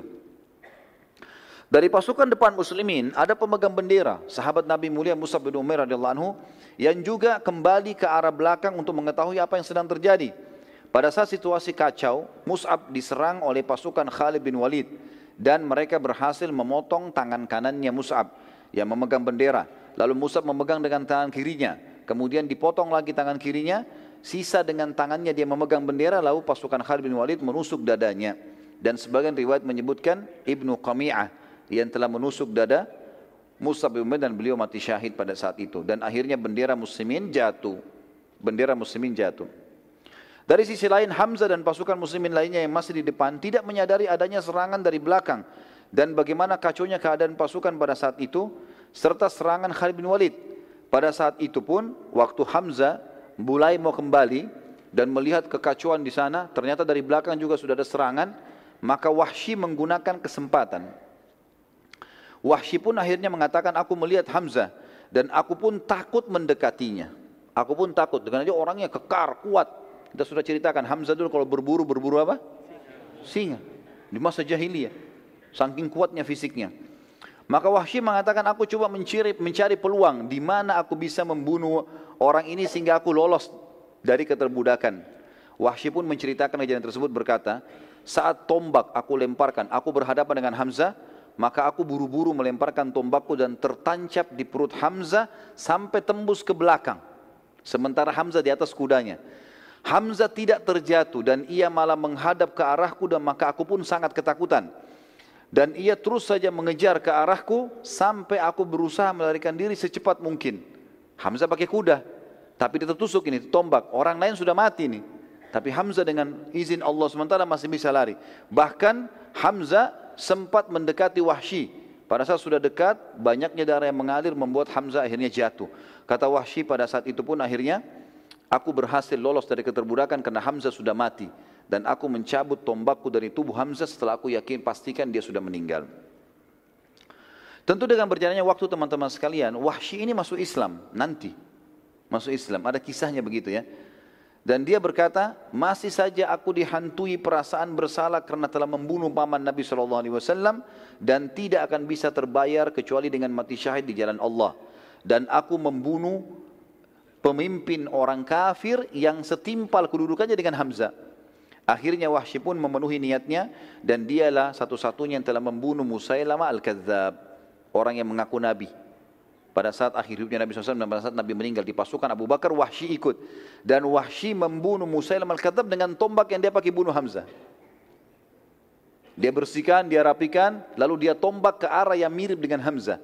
Maka dia mengatakan Wahsy berkata, inilah imbalan atas terbunuhnya paman Nabi SAW. Dan juga perlu diketahui pada saat Wahsy masuk Islam, Nabi SAW menerima Islamnya. Tapi Nabi mengatakan, wahai Wahsy, jangan sering tampil di hadapanku. Begitu saja. Karena Nabi masih ingat. Ya. Hamzah ini pada saat terbunuh nanti kita akan lihat bagaimana korban-korban Uhud. Luar biasa menyedihkan. gitu kan. Nabi SAW kata Umar bin Khattab belum pernah kami lihat Nabi SAW menangis seperti menangisnya pada saat lihat jenazah Hamzah. Hidungnya terpotong, darah semua, dadanya terbelah, segala macam ini. Ya. Hal-hal yang buruk sekali.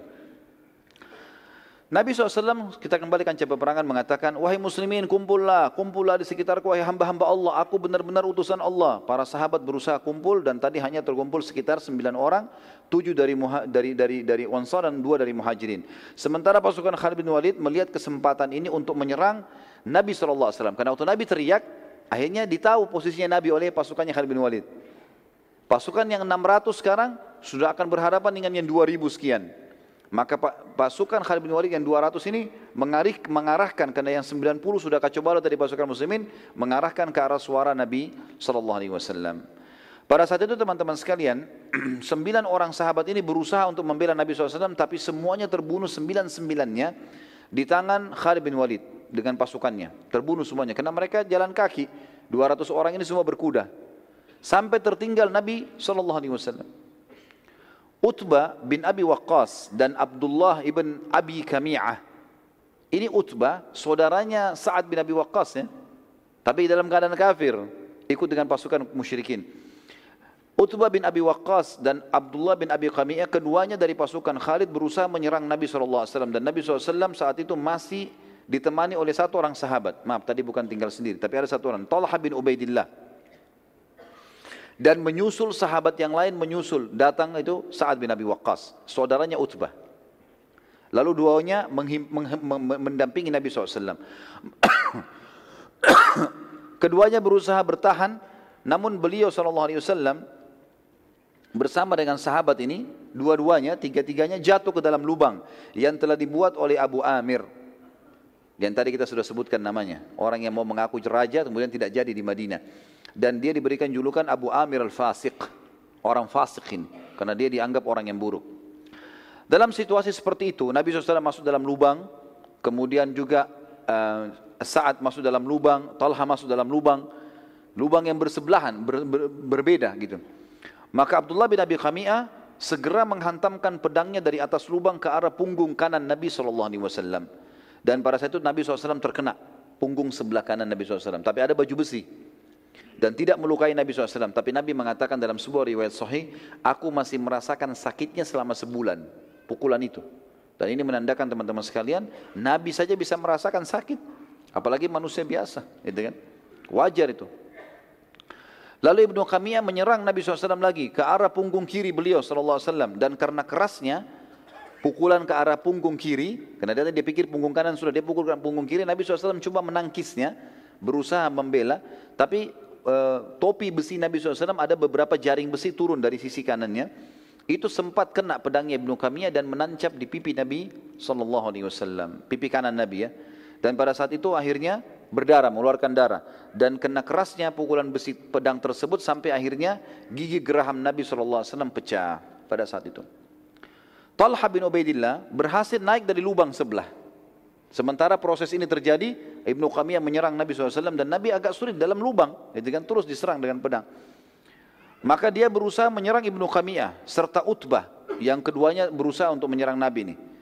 Sisa pasukan Khalid Walid berusaha menyerang Talha bin Ubaidillah sementara ia terus melawan sendirian sampai seluruh dada dan tubuhnya dipenuhi anak panah juga tebasan-tebasan pedang. Semuanya, punggungnya semua anak panah, depannya semua anak panah, tebasan pedang kiri kanan. Tapi subhanallah masih hidup. Talha bin Ubaidillah ini salah satu dari sepuluh yang dijamin masuk surga ya. Radiyallahu anhum. Sampai Abu Bakar mengatakan Uhud, perang Uhud ya, yang panen pahalanya Talha. Miliknya dia sudah. Sampai waktu itu Talha bin Ubaidillah berusaha menarik Nabi SAW untuk keluar. Dalam kondisi begitu ya. Dia tutupi lubang, terus orang-orang kafir, 200 orang ini berusaha menyerang dia gitu kan, sendirian.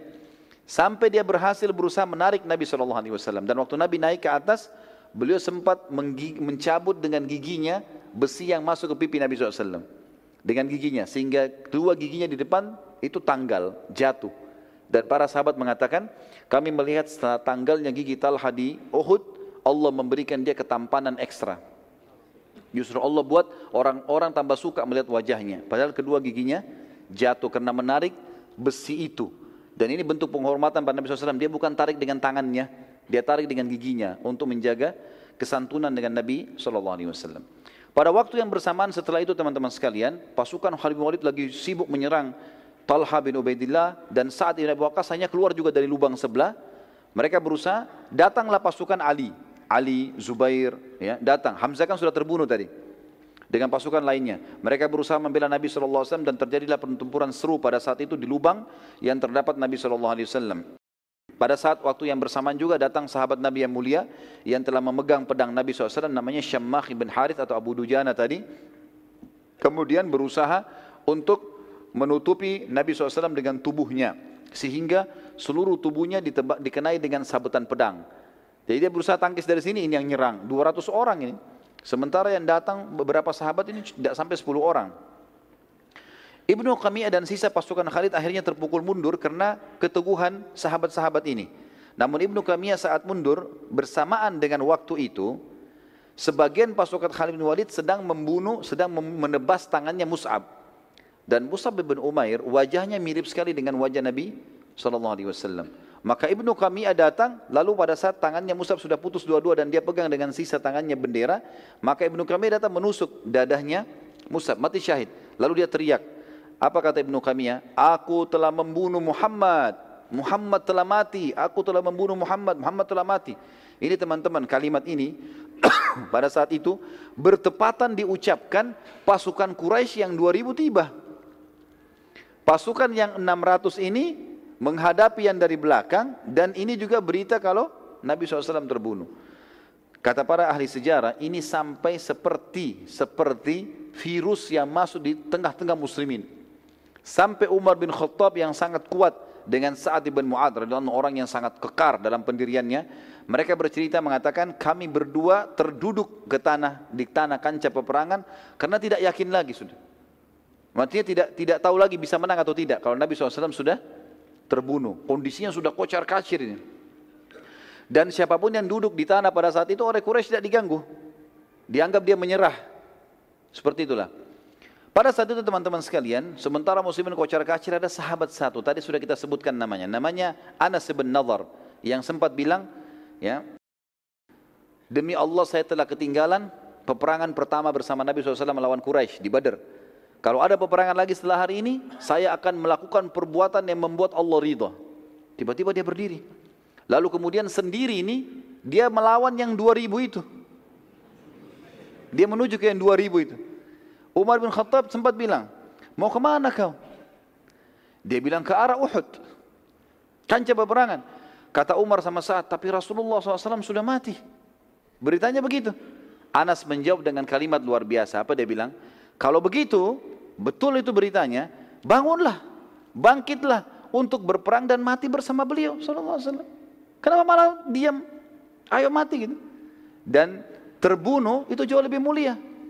Dan sungguh hai Umar dan Sa'ad aku mencium bau surga di arah Uhud.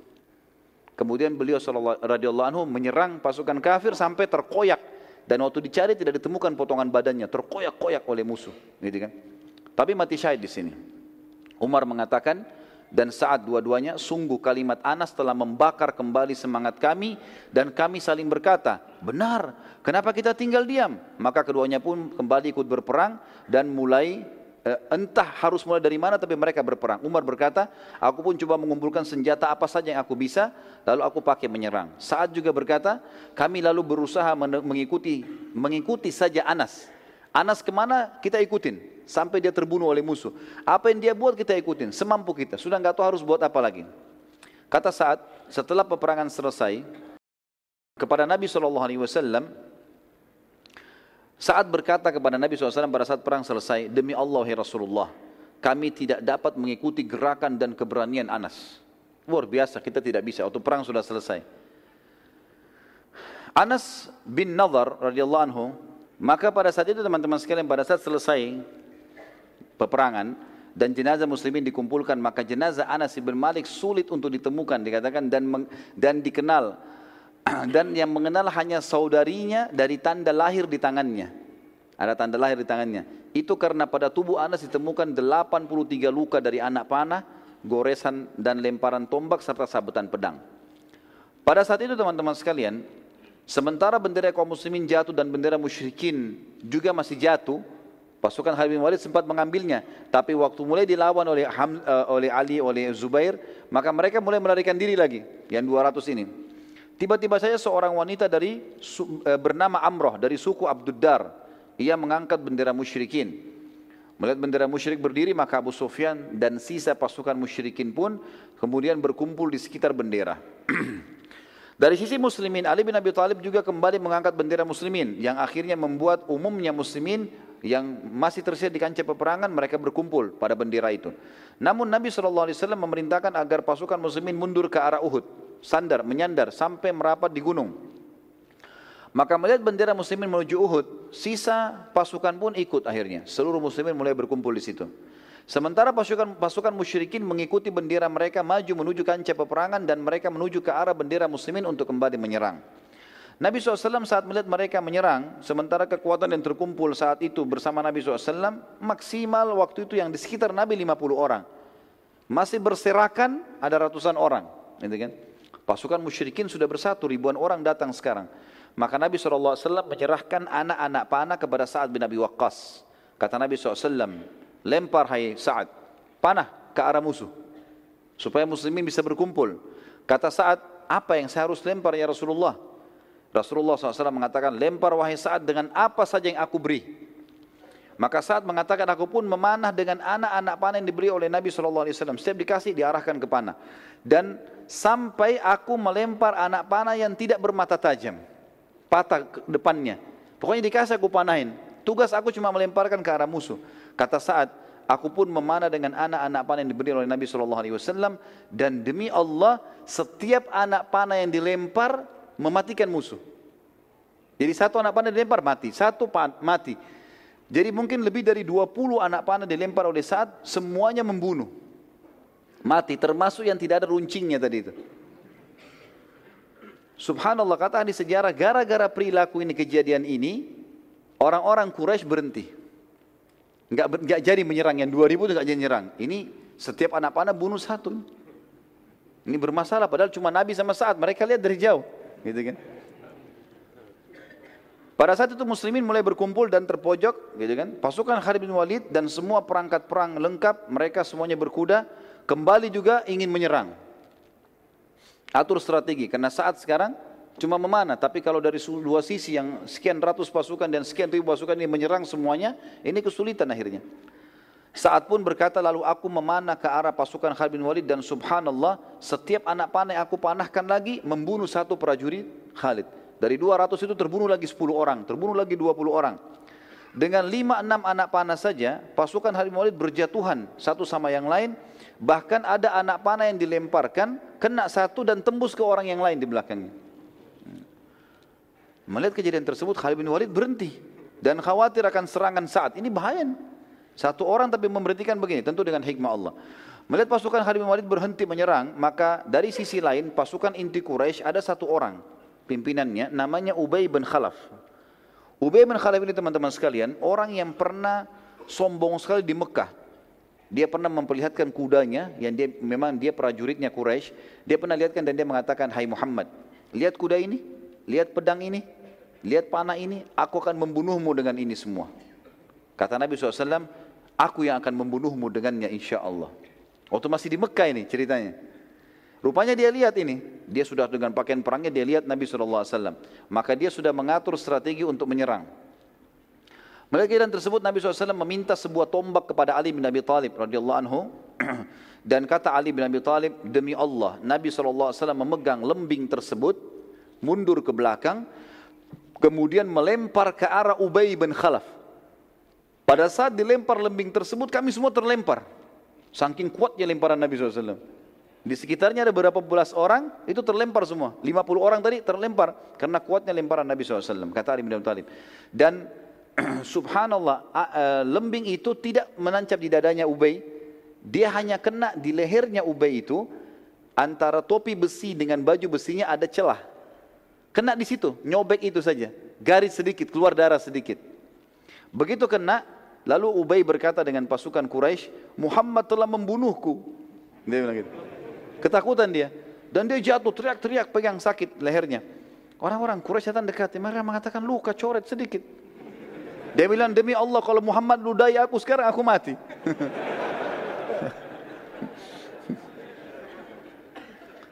Pada saat dia balik ke Mekah, ini kita cerita selesai peperangan, mereka balik ke Mekah, ternyata betul Ubay ini sakit parah gara-gara luka itu dan tidak bisa sembuh dan akhirnya mati gara-gara itu. Dan ini kena hadis Nabi SAW yang sangat tegas ya. Kata Nabi SAW, sungguh murka Allah memuncak kepada orang yang telah dibunuh oleh nabinya. Nabi SAW jarang membunuh.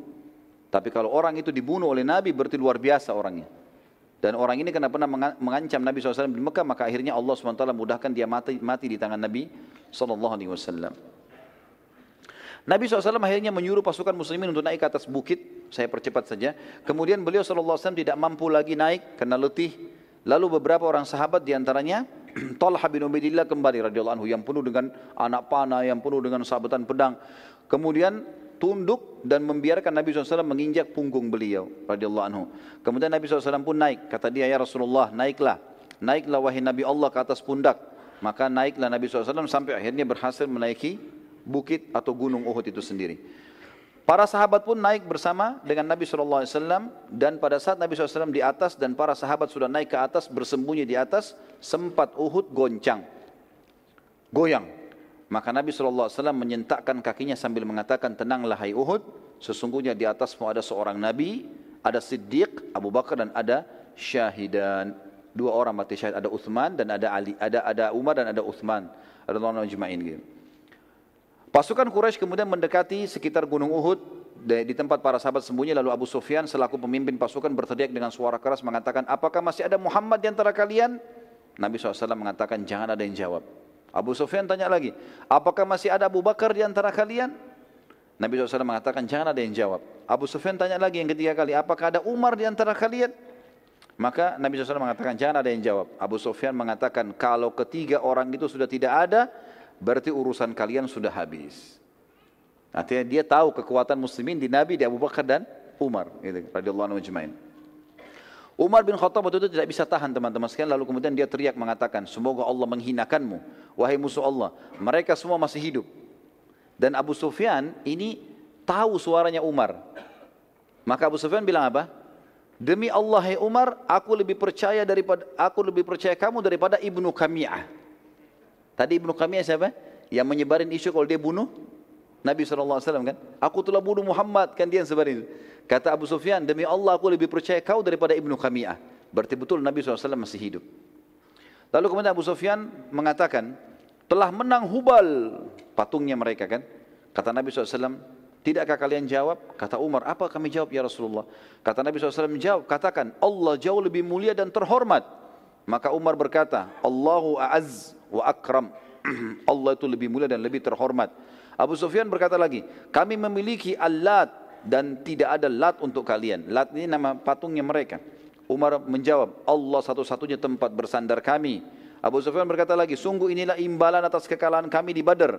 Perlu aku ingatkan bahwa pada jenazah-jenazah kalian terdapat mutilasi dan pengerusakan pada jasad mereka yang tidak aku perintahkan dan tidak aku larang. Pasukanku ini ada yang mutilasi loh, ada yang potong-potong tangan, ada yang potong kuping, ada yang potong hidung. Tapi ini tidak aku perintahkan dan aku juga tidak larang karena mereka dendam kejadian di Badar. Umar menjawab, sungguh korban kami pasti masuk surga dan korban kalian masuk neraka. Lalu pasukan Quraisy balik menuju ke arah Mekah teman-teman sekalian sementara Nabi SAW dan para sahabat sibuk mengurus jenazah mujahidin. Nabi SAW sempat menanyakan beberapa orang sahabat. Di antaranya Sa'ad ibn Rabi radhiyallahu anhu yang ada ditemukan di antara korban muslimin. Dan Nabi SAW berkata kepada para sahabat, carikan untuk saya Sa'ad ibn Rabi. Para sahabat menyebar. Sampai hanya ada seorang sahabat menemukan dia lalu berkata, wahai Sa'ad, Sa'ad lagi penuh dengan darah, lagi sementara mau sakarat. Ya. Maka dia mengatakan, wahai Sa'ad, Rasulullah menanyakan tentangmu. Kata dia, sampaikan salamku kepada Nabi SAW dan katakan kepada beliau, kalau semoga Allah membalas beliau dengan sebaik-baik balasan dan ya, sampaikan kepada beliau uh, kalau saat sudah mencium bau surga. Lalu kemudian dia bilang, sampaikanlah kepada sukuku bahwasanya tidak ada uzur buat kalian meninggalkan Nabi sallallahu alaihi wasallam, meninggalkan Nabi sallallahu alaihi wasallam sementara kalian tahu kebenaran di bawahnya. Maka matilah di bawah agamanya. Saat berkata, jadi kalimat ini semua diucapkan, kemudian dia mengatakan, aku mencium bau surga, lalu wafatlah saat radhiyallahu anhu. Terbunuh kurang lebih 70 orang sahabat Nabi di perang Badar, eh, di perang Uhud, di antaranya Hamzah radhiyallahu anhu. Dan kita tutup teman-teman sekalian dengan kisah mutilasinya Hamzah ini ya. Waktu jenazah Hamzah ditemukan, dan pada saat itu Hindun bin Utbah, binti Utbah, yang memang dendam dengan Hamzah, dia memanggil Wahsy. Manggil Wahsy kembali dia mengatakan, belahkan untukku, untukku dadahnya. Karena aku mau mengambil jantungnya. Beberapa buku sejarah yang mengangkat mengatakan ini kisah dibenarkan, ada yang mengatakan juga ini tidak dibenarkan, nanti diragukan. Tapi kita ambil pendapat yang mengatakan dibenarkan, maka dibelahlah dada Hamzah, karena riwayat yang sahih menjelaskan waktu Umar menceritakan nangisnya Nabi SAW melihat jasadnya Hamzah, ini menguatkan itu. Maka dibelahlah dada Hamzah, terjadi mutilasi bagian hidungnya dipotong, dadanya dibelah lalu dicabut jantungnya dan Hindun berusaha memakannya tapi dia tidak mampu karena tidak mungkin makan mentah. Lalu kemudian dia mengatakan inilah pembalasan karena kau telah membunuh ayahku, pamanku dan saudaraku. Akhirnya Hamzah pun radhiyallahu anhu di situ dibiarkan, digeletakin dan dilumurin dengan darah. Lalu kemudian mereka pun pulang ke Mekah. Allahu alam. Ini bahasan tentang perang perang Uhud tentunya teman-teman sekalian dan nanti akan kita sampaikan pertemuan akan datang perang Hamrat Asad. Jadi fase menangnya muslimin sudah kita jelaskan, fase kalahnya muslimin sudah kita jelaskan dan sebabnya. Nanti kita lihat ada fase kemenangan muslimin. Dikenal dengan perang Hamrat Asad. Walaupun sebenarnya ini adalah lanjutan perang Uhud. Kenapa dikatakan perang Hamrat Asad? Karena Hamrat Asad nama sebuah tempat di mana Nabi SAW menyerang kembali Quraisy ke situ. Dengan pasukan yang luka-luka ini Nabi nyerang kembali. Nanti akan kita ceritakan pada pertemuan kita yang akan datang insya Allah. Baiklah, mungkin begitu bahasan kita insya Allah. Semoga Allah SWT berkahi majlis kita dan dijadikan sebagai tambahan amal kita pada hari kiamat.